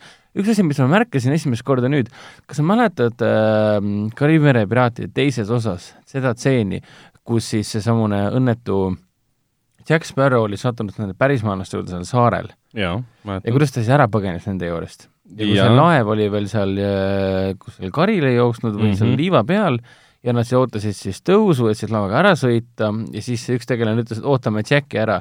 Jack jooksis nurga tagant välja, ahah, näed, Jack on seal ja siis terve hunnik pärismaalasi jooksis tal järel. et ärme oota Jacki ära. ärme oota Jacki ära, paneme ajama. täpselt sama tseen on äh, Indiana Jonesi alguses selle lennu ähm, kui ta jookseb veelennukiga, heli, jah, veelennuki poole mm, -hmm. täpselt sama tseen. Just, just, mida ma mõtlen, täpselt sama tseen on see moment, kus ta kõrgendikult jookseb, siis tema partner vaatab, ahah, Indi tuleb ja siis kohe näeme, et terve hunnik pärismaalasi jookseb järgi.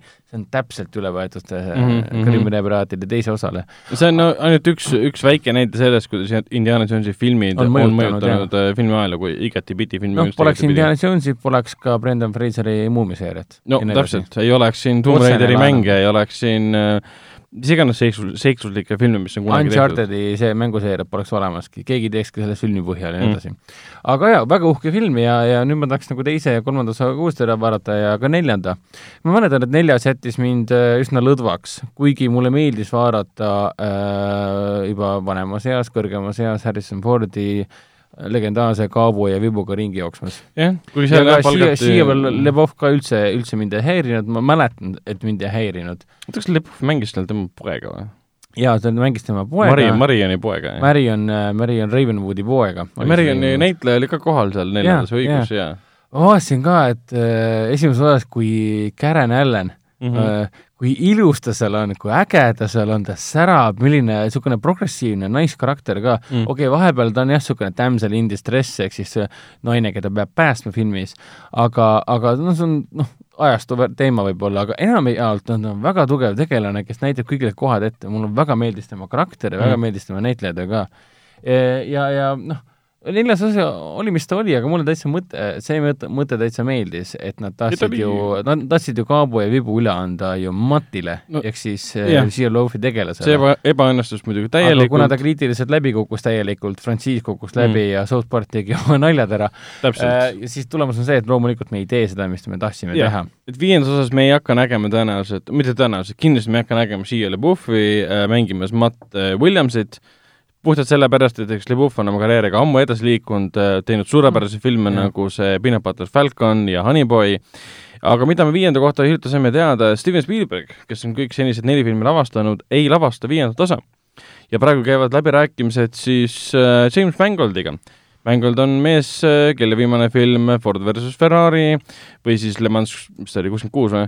Yeah., kandideeris hiljuti ka nüüd parima filmi Oscarile ja Le Mans kuuskümmend kuus või noh, Ford versus Ferrari oli suurepärane ajalooline graafiline film. Ja mängijad on teinud ka ühe kõige parema Marveli filmi üldse, noh, Foxi all toona siis äh, Logan, mis rääkis muidugi Hugh Jackmani käestatud Wolverine'i sellisest äh, lõppfaasist.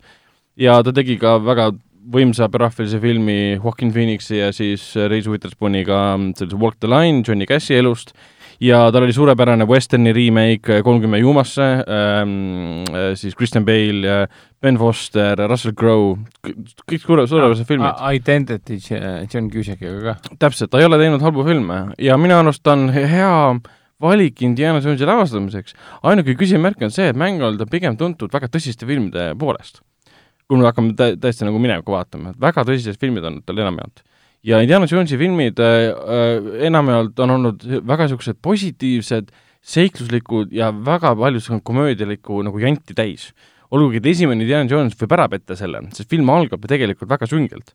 me ei näe esimesed mingi viis minutit isegi Indi nägu näeme ainult tema kontuure ja näeme seda, kuidas teised vaatavad teda alt üles kui võimas tegelaskuju. siis ta ilmub välja ja siis ta on, aa, niisugune tore professor ülikoolis, keda kõik äh, naistudengid fännavad nagu. aga ma ei kujuta ette, mäng nagu sobiks ja võib-olla see oleks talle huvitav väljakutse, et no, ta võib indie-filmi teha, mis on lõbus.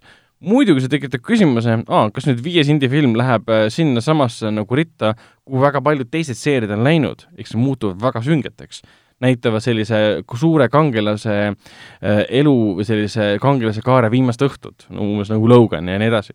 aga kas me tahame, et Indiana Jonesi film oleks sünge Olle, olles äsja näinud ju äh, Foxi toodetud äh, noh, endise Foxi, noh, Foxi toodetud seda äh, Call of the Wildi ehk siis Jürgeni kutse, mille peaosas on ju äh, ikkagi muu kui Harrison Ford. täpselt Äh, kes näeb oma, ta on seitsekümmend pluss äh, aastaid vana juba, ta näeb väga hea välja, ta on vormis, äh, minu meelest kogu tema karvkatte tema näol sobib, see jõuluvana, jõuluvana maskeering sobib talle hullult hästi. ta käib jões, okei okay,, see jõgi oli ehitatud tõenäoliselt kuskil Los Angeles stuudiosse ujumas. külmas mägi jões käib ujumas. ja, ja seal oli näha, et see mees on oma vanuse kohta väga heas vormis ja valmis mängima Indiana Jonesi. ja, ja ta oli juba neljandas ka, et äh, ausalt öeldes tahaks näha, mismoodi nad selle Kaabo ja Vibu ikkagi üle annavad.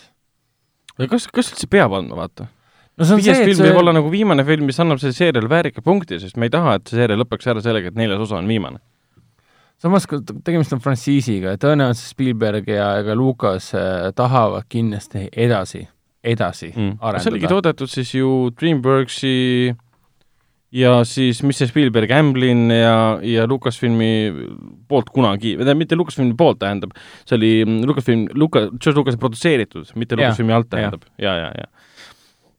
no vot, aga ei, mina tahaks elada küll maailmas minu eluajal, et oleks, oleks järgmine, järgmine Indiana Jones ja ei tahaks näha filmi, kus ta annab mingile noorele poisile midagi üle et äh, pigem see, et me näeme seda väärikat lõppu, kus ta paneb kaabu tõesti sinna konksu otsa, aitab küll, rohkem pole vaja.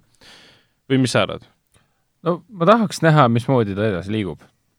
ma tahaks näha, et ma tean, et nad ei jäta seda rahu, rahule, tänapäeva asja, tänapäeval asjad lihtsalt ei käi niimoodi. ma tahaks näha, mismoodi nad tegelikult edasi lähevad, mismoodi nad selle viienda teevad, kas nad teevad siis äh, tõesti nagu luigelaulu või?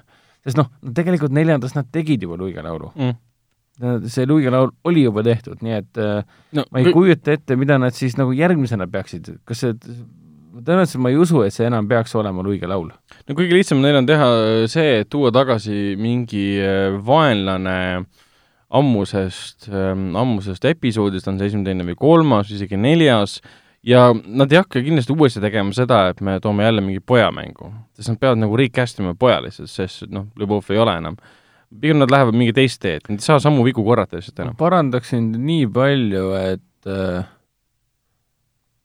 nii, mida sa parandad äh,? Indiana Jonesi frantsiis on alati olnud äh, toodetud Lucasfilmi poolt ja ta on alati levitatud Paramount Picturesi poolt. ahah, no vot, vot. no muidugi, Paramount on see mägi on kohe alguses ju, vaata muutub äh, kahju, et see nagu läbi kukkus äh, kriitiliselt, see neljas osa Kingdom of the Crystal Skull, selles mõttes, et tal olid kõik elemendid olemas ju, ta oli uus värske seiklus äh,, ta, tal oli olemas äh, pärandi edasikandja, kõik oli justkui olemas. vanad tegelased tagasi toodud. vanad tegelased, Marion toodi tagasi äh,, üks vana tegelane toodi tagasi, keda mängis uus näitleja ja nii edasi, et noh mm., nüüd ongi see küsimus, et äh, kuhu veel minna edasi? Aga eks nad midagi välja mõtlevad ja kui on süda õiges kohas, äh, ma tean, et see on äh, naiivne asi, mida öelda, aga samas, kui nad on istunud, Spielberg on ikkagi istunud selle tegelasega ja loonud kultuuriruumi põhimõtteliselt Indiana Jonesi ümber, et ma loodan, et nad Äh, mõistus on peas ja süda on õiges kohas ja nähakse vaeva, et luuakse mingi viis, kuidas edasi kanda seda. loodetavasti mitte niimoodi, nagu Terminaatoriga on teinud. ma tahtsin just öelda, ma usun, et siit ei sünni seesama olukord, kus Spielberg kiidab takka, et see on väga hea, mina tegin stsenaariumit, tuleb film välja, mõtled, aa, see on, see on, see on siis see, mida sa kiitsid kogu selle aja või? Et see uus Terminaator ei olnud kohutav film, ta lihtsalt oli väga ebavajalik sellisel kujul. jaa, et kui nad, kui nad teevad, siis nad võiksid lihtsalt mainida, et Indi elab oma elu, saab uue seikluse ja kui küsitakse, kus siis, millega, millega poeg tegeleb, siis poeg tegeleb oma seiklustega mm,. näiteks. ja siis tuleb film välja, kõik armastavad Luige laul Messik ja siis äh, umbes kahe nädala pärast, et jaa, nüüd me toodame uue TV-seriaali põhimõtteliselt, kus Shia LaBeouf teeb comeback'i no kunagi oli ju see Jean Patrick Fanneriga seriaal Young Indiana Jones ja, ja põhimõtteliselt võivad sellest ähm, mitte seriaali teha, vaid uue, uue filmiseeria teha. ongi ja. noor Indiana Jones, mida nad omakorda mõtlesidki teha tegelikult Leboviga, enne kui see asi läbi kukkus. jaa, sest noh, mitte noor Indiana Jones ehk siis nagu eellugu, vaid nüüd nad teevad järeloo, lihtsalt sul on uus Indiana Jones, kes on noor. täpselt. või siis tõesti, me saame minna Indiana Jonesi noorusesse ka. igatahes äh, põnevad ajad, äh, vaatame, mis sellest saab. Äh. aga, aga rääkides vanadest seeriatest, mis saavad järgesid? Jaa, Jurassic, Jurassic World kolm on tulemas, mis on siis Jurassic Parki seeria kuues film. jah, sest meil oli Jurassic Park, Jurassic meil Park oli Lost World, Jurassic Park Lost World, Jurassic Park kolm, Jurassic Park kolm, siis Jurassic World Jurassic World Fallen Kingdom. Fallen Kingdom ja, ja nüüd Dominion. mis see eesti keeles huvitav olema hakkab? ülemvõim või? Jurassic World üle, ülemvõim. midagi taolist, jaa.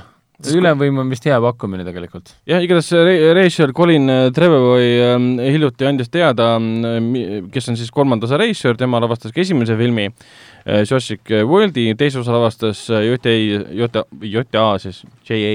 Bayona kes on pigem tuntud õudusfilmide ja siis selliste katastroofifilmide poolest. teine osa oli väga edukas, esimene oli väga edukas ja kolmas osa nüüd hakkab vaikselt tulema.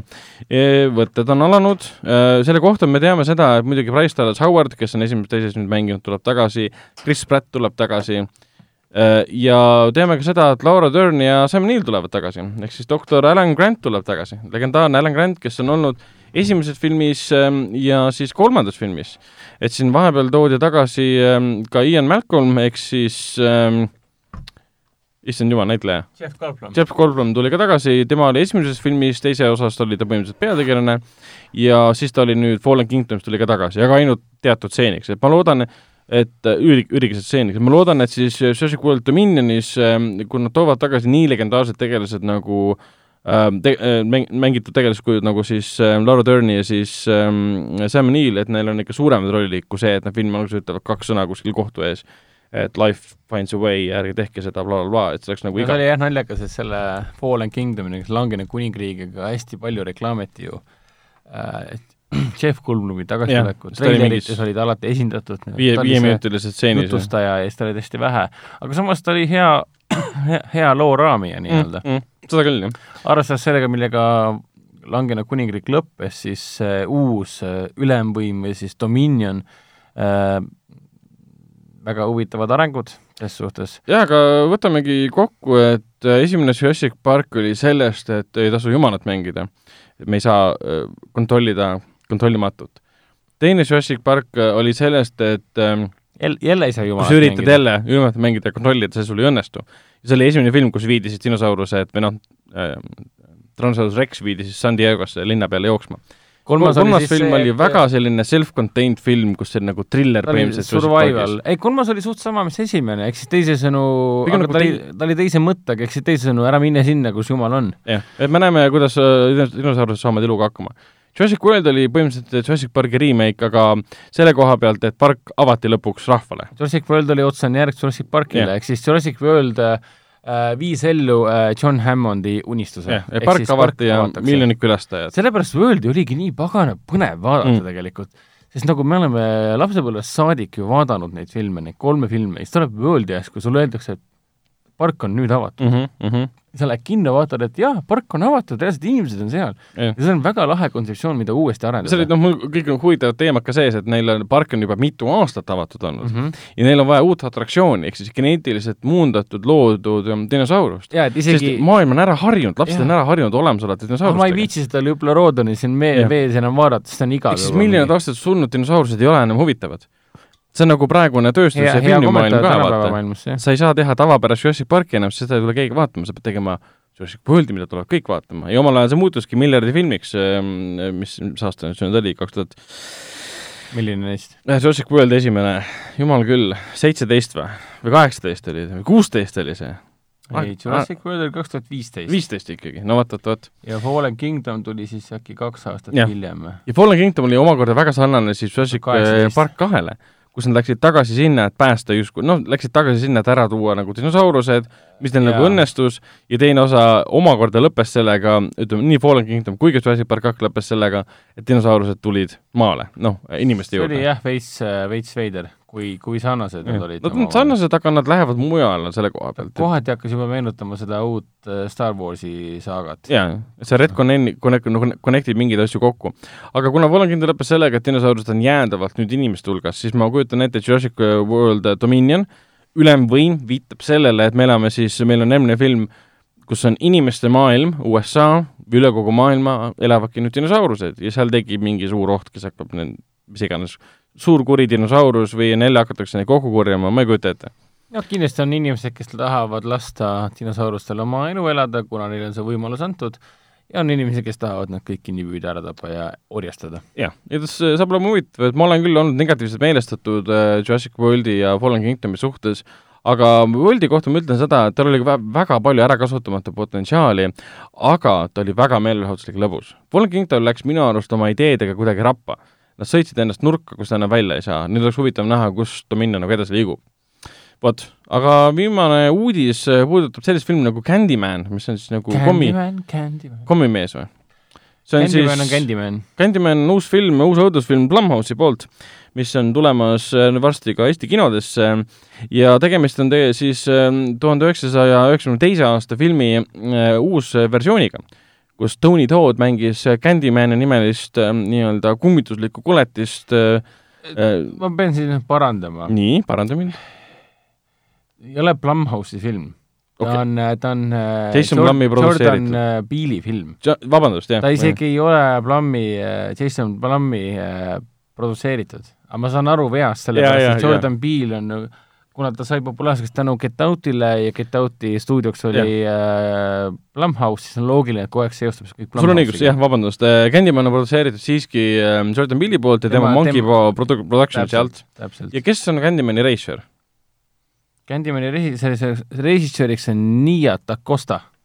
mida on teinud Nia Tacosta? nimi äh, mulle midagi ütle. ta on senimaani lavastanud äh, ühe täispika mängufilmi ja ka paar episoodi ühest seriaalist. Mm. -hmm no vot, aga uues filmis äh,, õigus, vana film Candyman äh,, sellel on siis kokku kolm osa, on äh, Candyman esimene on siis üheksakümmend kaks, siis on teine film Candyman Farewell äh, to, to the Flesh, mis on üheksakümmend viis, ja siis on Candyman Day of the Dead, mis on siis aastast üheksakümmend üheksa esimest loetakse nendest kõige paremaks ja esimene Candyman, mida mina ja Hendrik pole kahjuks näinud, aga ja, nüüd ma... me oleme selle vastu väga suurt huvi hakanud tundma, sest kõik räägivad, kui sa hakkad lugema selle filmi kohta, et see on legendaarne õudusfilm. jaa, ma olen alati teadnud selle olemasolust. ma olen alati olnud siin mingi väike päkapikk siin tagumises otsas siin ajus vasardanud mulle kolba vastu, et kuule, vaata ära sa oled õudusfilmide fänn, miks sa ei ole vaadanud seda no,? Tony Todd äh, Candymani, no Tony Todd on üldse väga legendaarne tüüp, Tony Todd mängis selles esimeses Final Destination filmis ka. seda veidrat mingi morgi morgitöötaja, täpselt, jah.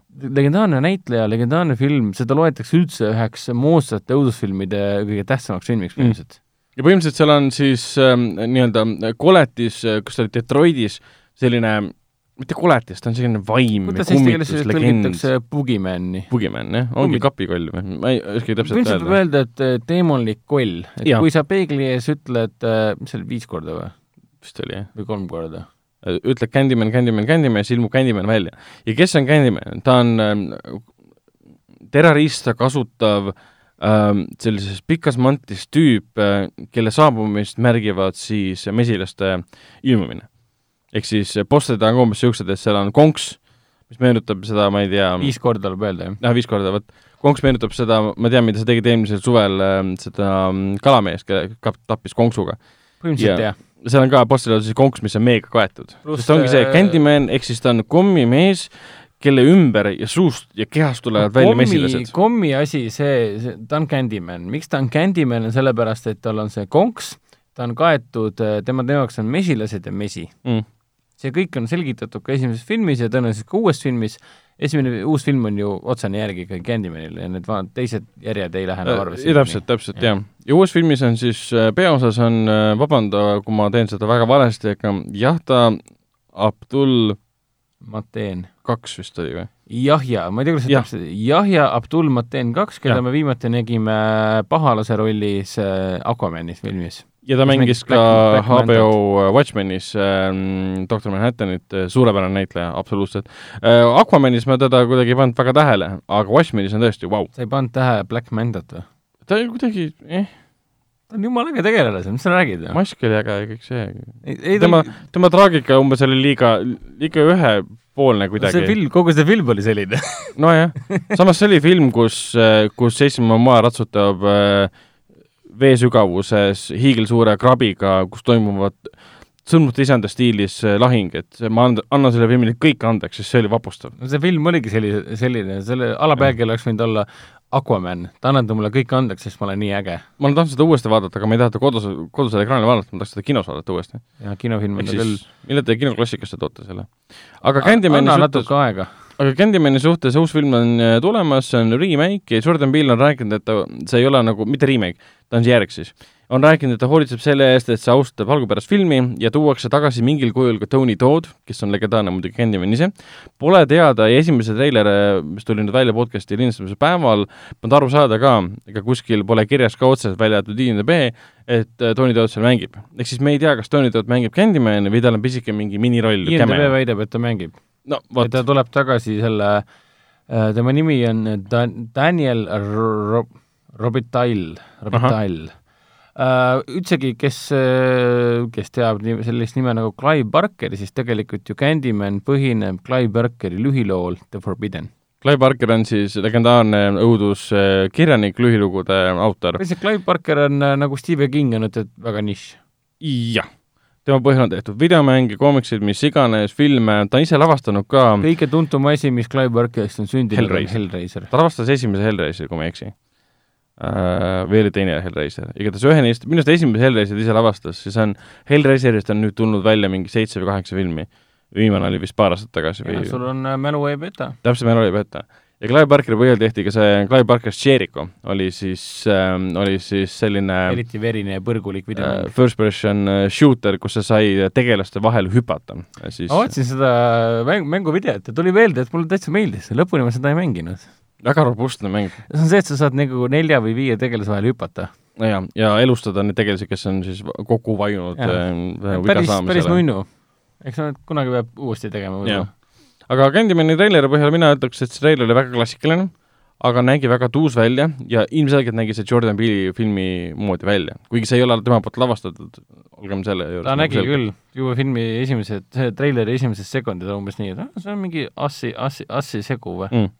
Ma ei tea, miks ma seostasin seda Blumhouse'iga praegu või Blummiga. siis Jordan Peele võrdub lihtsalt Blumhouse'iga. nojah, pluss Hunt on tulemas ja, ja mis tal nüüd see Invisible Man, nähtamatu mees on kinos praegu, tema oma ja, ja, ja kõik seostub temaga. Jason Blummi ja noh, Us ise on ka ju Jason Blummi produtseeritud. jah, aga mitte Blumhouse'i, täpselt, täpselt, täpselt, täpselt vot, aga sellega said meie uudised läbi, kui meil vahepeal just mõni suurem uudis äh, pole nüüd äh, tekkinud, siis ma arvan, et liigume edasi nädala siis filmisoovituste ja seriaalisoovituste juurde. räägime kinoklassikust, et veebruar on nüüd äh, läbi, mis tähendab, et enam, enam Sin Cityt näha ei saa, küll aga märtsis saab näha klassikalist, klassikalist filmi Helisev, helisev muusika. Jah, Julie Andrewsi äh, auhinnatud, Oscaritega pärjatud äh,, täiesti läbi lõhki armastatud muusikal. äh,, mida saab siis iSense'i saalis vaadata nüüd äh, märtsi esimesel kolmapäeval. Äh, tõenäoliselt parim koht, kus seda vaadata, film tuleb esitamisele fantastilise 4K pildiga, nii et ainus parim koht, kus seda filmi nautida, on just nimelt iSense saalis. aga sul on meile veel üks suur-suur üllatus rääkida, mis puudutab just täna, täna läks meil müüki äh, eriseanss, nimelt äh, eelmise aasta aprillis me näitasime kinoklassika erina. kinoklassika eri on siis see, kus me tavapäraste igakuiste kinoklassikat vahele näitame ka ainult ühte seanssi ühele väga erilisele kinoklassika filmile. seepärast mm -hmm. pärast ka kinoklassika eri. kui me muidu näitame ühte sama filmi ühe kuu vältel kõikidel kolmapäevadel, siis antud juhul me näitame ühe korra. kui eelmine aasta näitasime Monty Pythoni eh, Briani elu, eh, kuna see tähistas oma aastapäeva, sünnipäeva, siis seekord me näitame hoopis viieteistkümnendal aprillil, piletid on ka müügis, eh, näitame ühe korra Monty Pythoni filmi Püha Graal, Monty Python ja Püha Graal miks me seda näitame, sellepärast et äh, Monty Pythoni üks äh, alustaladest ja liikmetest, äh, andekas režissöör ja näitleja, Terry Jones alles hiljuti lahkus meie hulgast mm. ja puhtalt austusavaldusena komöödiatrupi Monty Pythoni liikmele Terry Jonesile otsustasime, et okei okay,, tuleme siis nii-öelda fännidele vastu ja lähme koos avaldame Terry Jonesile ja kogu Monty Pythoni geniaalsusele austust ja viieteistkümnendal aprillil saame koos kõik vaadata Püha Graali. ja see on küll väga äge, äh, kui Life of äh, Brianit ähm, käisime, käisime vaatamas, siis see oli nagu maailma parima publikuga ka. kuigi publik ei läinud väga kaasa sellega, et kui neile andsime, andsid, andsid need ähm, joonised, kuidas ähm, kive teha paberist, siis nad ei hakanud filmi ajal väga loopima. no ka seal tegelikult. kivi noh. heitmise kohad aga naljakas on ka see, et filmil Püha Kraalil on kaasas reaalselt eh, eraldi ingliskeelsed subtiitrid mm. -hmm. et filmil ei ole muidu ingliskeelsed subtiitrid, aga kui filmis lauldakse, siis on olemas nii-öelda spetsiaalselt kaasalaulmiseks mõeldud ingliskeelsed subtiitrid. kas see on nagu karaoke tekst või? mitte päris karaoke, vaid see on see, kus see väike pallike hüppab. aa, see on ikka karaoke? no põhimõtteliselt karaoke likk, jah mm.. et kui sa vaatad näiteks mingit äh, Frozen, äh, Frozen üks või kaks äh, sing-along videosid, siis mm. on samamoodi, et tekst jookseb all ja siis pallike hüppab seal peal. ja põhimõtteliselt, kui sa tahad, sa saad kaasa laulda. ehk siis kõik need hardcore fännid saavad tulla saali ja kõva häälega laulda? mitte eriti kõva häälega, aga noh, pea, pea no ma arvan, et seda tulebki vaatama fännid, kes, kes ilmselt ei heitu sellest, et keegi nende kõrvale palju kaasa laulab aga ei, see on kõik, kõik väga, väga äge. räägime jälle natukene Netflixist ka, et Raiko siin kiides ette ja taha uh, I am not okay with this um, seriaali, mida me kindlasti ka soovitame. nüüd siin reedel ehk siis podcasti, podcasti ilmumise päeval jõuab siis Leave no trace uh, nimeline draama, mis nüüd üle-eelmise aasta PÖFFil oli ka esindatud. tegemist on siis um, Debra Graniki Äh, lavastatud äh, filmiga, äh, mis oli tema esimene film pärast siis seda Jennifer Lawrence'i filmi Winter's Bone, mis tõi talle esimese Oscari võidu Lawrence'ile siis ja Terva Ranik tegi siis oma järgmise draama Lind of Race, kus siis Thomasin McKenzie, keda ma olen nüüd näinud siin igal pool põhimõtteliselt, ta oli siin Jojo Rabbitis, ähm, ta oli siin ähm, mingi film oli veel vahepeal. True History of the Kelly Gangis. True History of Kelly Gang, täpselt. ja ta on suurepärane näitleja ja Ben Foster teeb ka endiselt alahinnatud karakter näitleja, ma nägin teda hiljuti ühes teises, hiljuti, eelmisel aastal teises draamas ka, mm, see oli Galveston, suurepärane film yeah. ja mm, see on, mina soovitan seda vaadata, kinoveebis on selle kohta PÖFFi ajast ka arvustus olemas, otsige vist oli Jälg jätmata, oli vist eesti keeles, aga kui otsida kinoveebist Leave no trace, siis peaks selle sealt leidma. siis on tulemas ka Elle, Elle Fanningu ja Justice Smithi äh, äh, draamafilm või noh, niisugune teisme-, mitte teismeliste, noortedraama siis All the uh, Bright Places, uh, Justice Smith on siis see näitleja, kes mängis siis detektiiv Pikachu filmis Pikachu partnerit. Aga võib-olla kõige suurem lahedam uudis on see, et siin vahepeal muidugi me teadsime kõik, kes Netflixi kasutavad, et stuudio Ghibli ja siis Miyazaki filmid järge, järjepanu jõuavad nüüd Netflixi aga nüüd võime öelda, et siin laupäeval lisanduvad näiteks Spirited Away, Princess Mononoke, Nausicaa of the Valley of the Wind ja tuleb siis ka Miyazaki, äh, kas see oli poja, oli Ari-, jaa, Miyazaki poja lavastatud äh, Arieti ei, ei, vist ei olnud ka poeg. ei, poeg lavastas Tales of the Earthsea. ja poeg lavastas selle ühe sadamafilmi, ma ei mäleta, mis selle nimi oli. Arieti ei olnud, ta oli vist Protege lavastatud. ja Hiro, Hiromasa Yone Bayassi lavastas selle. jaa, täpselt, ma ajasin segamini. Arrieti, Arrietit ma mäletan, see oli väga hea film. jah. ja lisaks jõuab siis The Cat Returns uh,, The Tale of the Princess Kaguya, mis on siis Grey of the Firefly Raceri uh, film, need on kõik stuudio Ghibli omad, et Netflix on täis Ghibli klassika. see on fantastiline, see Ghibli filmid on nii ägedad asjad, mida uuesti-uuesti nautida või esmakordselt vaadata, mina näiteks ei ole Cat Returnsi ja Tale of Princess Kaguyat näinudki. kusjuures, kas sa saaksid praegu kontrollida, kui nendel, nendel filmidel on tegelikult eestikeelsed dublaažid olemas, kas Netflixis on eestikeelsed dublaažid? Siis ma eeldan, et ei ole, sest miks, noh, see eeldaks seda, et nad võtavad Eesti, Eesti õiguste omanikuga ühendust. mis praegu olemas oli, Totor on olemas? Totor on olemas ja ma tean, et Totor on eesti keeles olemas. Nausicaa on eesti keeles olemas. ei olegi kontrollinud. et noh, kindlasti kõik muud keeled on olemas, jaapani ja inglise ja vene ja mis iganes. aga kas eesti keel, oleks päris huvitav teada, sest mul endal kodus DVD-d olemas, kus ma saan Mononoket vaadata eesti keeles näiteks nii, ei ole, on ainult inglise, soome, jaapan ja vene. noh, no vot. aga vähemalt äh, me teame, et Eestis on see variant olemas, need filmid leida ka eesti keeles. vot, Telia HBO-s soovitan endiselt vaadata The Outsiderit, kõrvalseisjat, ähm, millest on kaheksa episoodi väljas, kaks osa on veel tulemas Stephen Kingil äh, põhinev ähm, õuduskrimi-seriaal, äh, mida soovitan sulle ka, Hendrikule, et palun vaata ära, see on väga hea. Amazon Prime videos endiselt jookseb, Raiko soovitaks Star track Picardi ja siis Al Pacino natsi küttimisfilm, seriaal tähendab see, see Hunters, mis on siin vahepeal saanud päris kõva äh, kuidas öelda kriitika osaliseks või? vastuolu, vastuolu just, ma ei tea, kas see kriitika on pigem vastuolu, et siin äh, vist oli Auschwitzi mingi ühing midagi laadset äh, kirjutas siis äh, Twitteris, kõik teavad seda Twitteris, et Hunters on väga solvav, kuna nad fabrikeerivad minevikku, äh, ehk siis nad loovad õudusi, veel hullemaid õudusi sinna, kus need tegelikult ei olnud juba olemasoleva õuduse keskel et seal nimelt on välja toodud äh, selline tõsiasi, mina selle, ma ei ole ise Hunterist veel vaadanud, et Huntersis on esimeses episoodis on tseen, äh, mida siis mingil määral mängitakse iga kord ära ka algustiitrites, kus siis äh, natsid kasutavad äh, juute elaval siis malelaual. ja kui mõni malenupp siis välja langeb, ta tapetakse ära. mille peale siis ähm, nii-öelda ajaloolased ja Auschwitzi siis ühing võttis ühendust, et mida te teete, see on jube ju. mille peale siis seriaali looja vastas, et aga see on äh, kunstiline seriaal, mis on Tarantino stiilis nagu tehtud äh, üle võlli, see ei olegi ajalooline seriaal. see mitte kuidagi ei ürita näidata, et ajalugu ongi selline või reaalsus oligi selline. no eks see on loogiline ka, et see tekitab äh, väga palju vastukaja. ei muidugi, muidugi äh,. Et äh, me elame sellises ajas vot ja viimasena siis Apple TV plussis äh, mina endiselt olen vaadanud siin ähm, aegamööda Seed äh,, Jason Momoa suurepärast seriaali, kus kõik on pimedad ja siis äh, kaks inimest näevad, see on väga verine, väga äge. ja For All Mankind, äh, kus siis ähm, ka Altered Carbonite esimeses hooajas mänginud Joel Kinnaman teeb äh, suurepärase, äh, suurepärase rolli. aga sellega võimegi saate ähm, lõpetatuks lugeda, kahjuks äh, jah, Raiko pidi siin poole filmi pealt lahkuma, et minna, poole filmi, poole saate pealt lahkuma, et minna äh, filmi vaatama, aga ta saab järgmine kord meile rääkida, kuivõrd hea või halb oli äh, nähtamatu, nähtamatu mees kindlasti no. hoidke silm peal siis äh, Foorum Cinemas äh, kinodes, Artise kinodes äh, toimuval äh, ja siis muidugi ka kinoveebis toimuval, mille eest vastutab äh, Raiko. aga aitäh kuulamast ja näeme järgmine kord, tšau! tšau!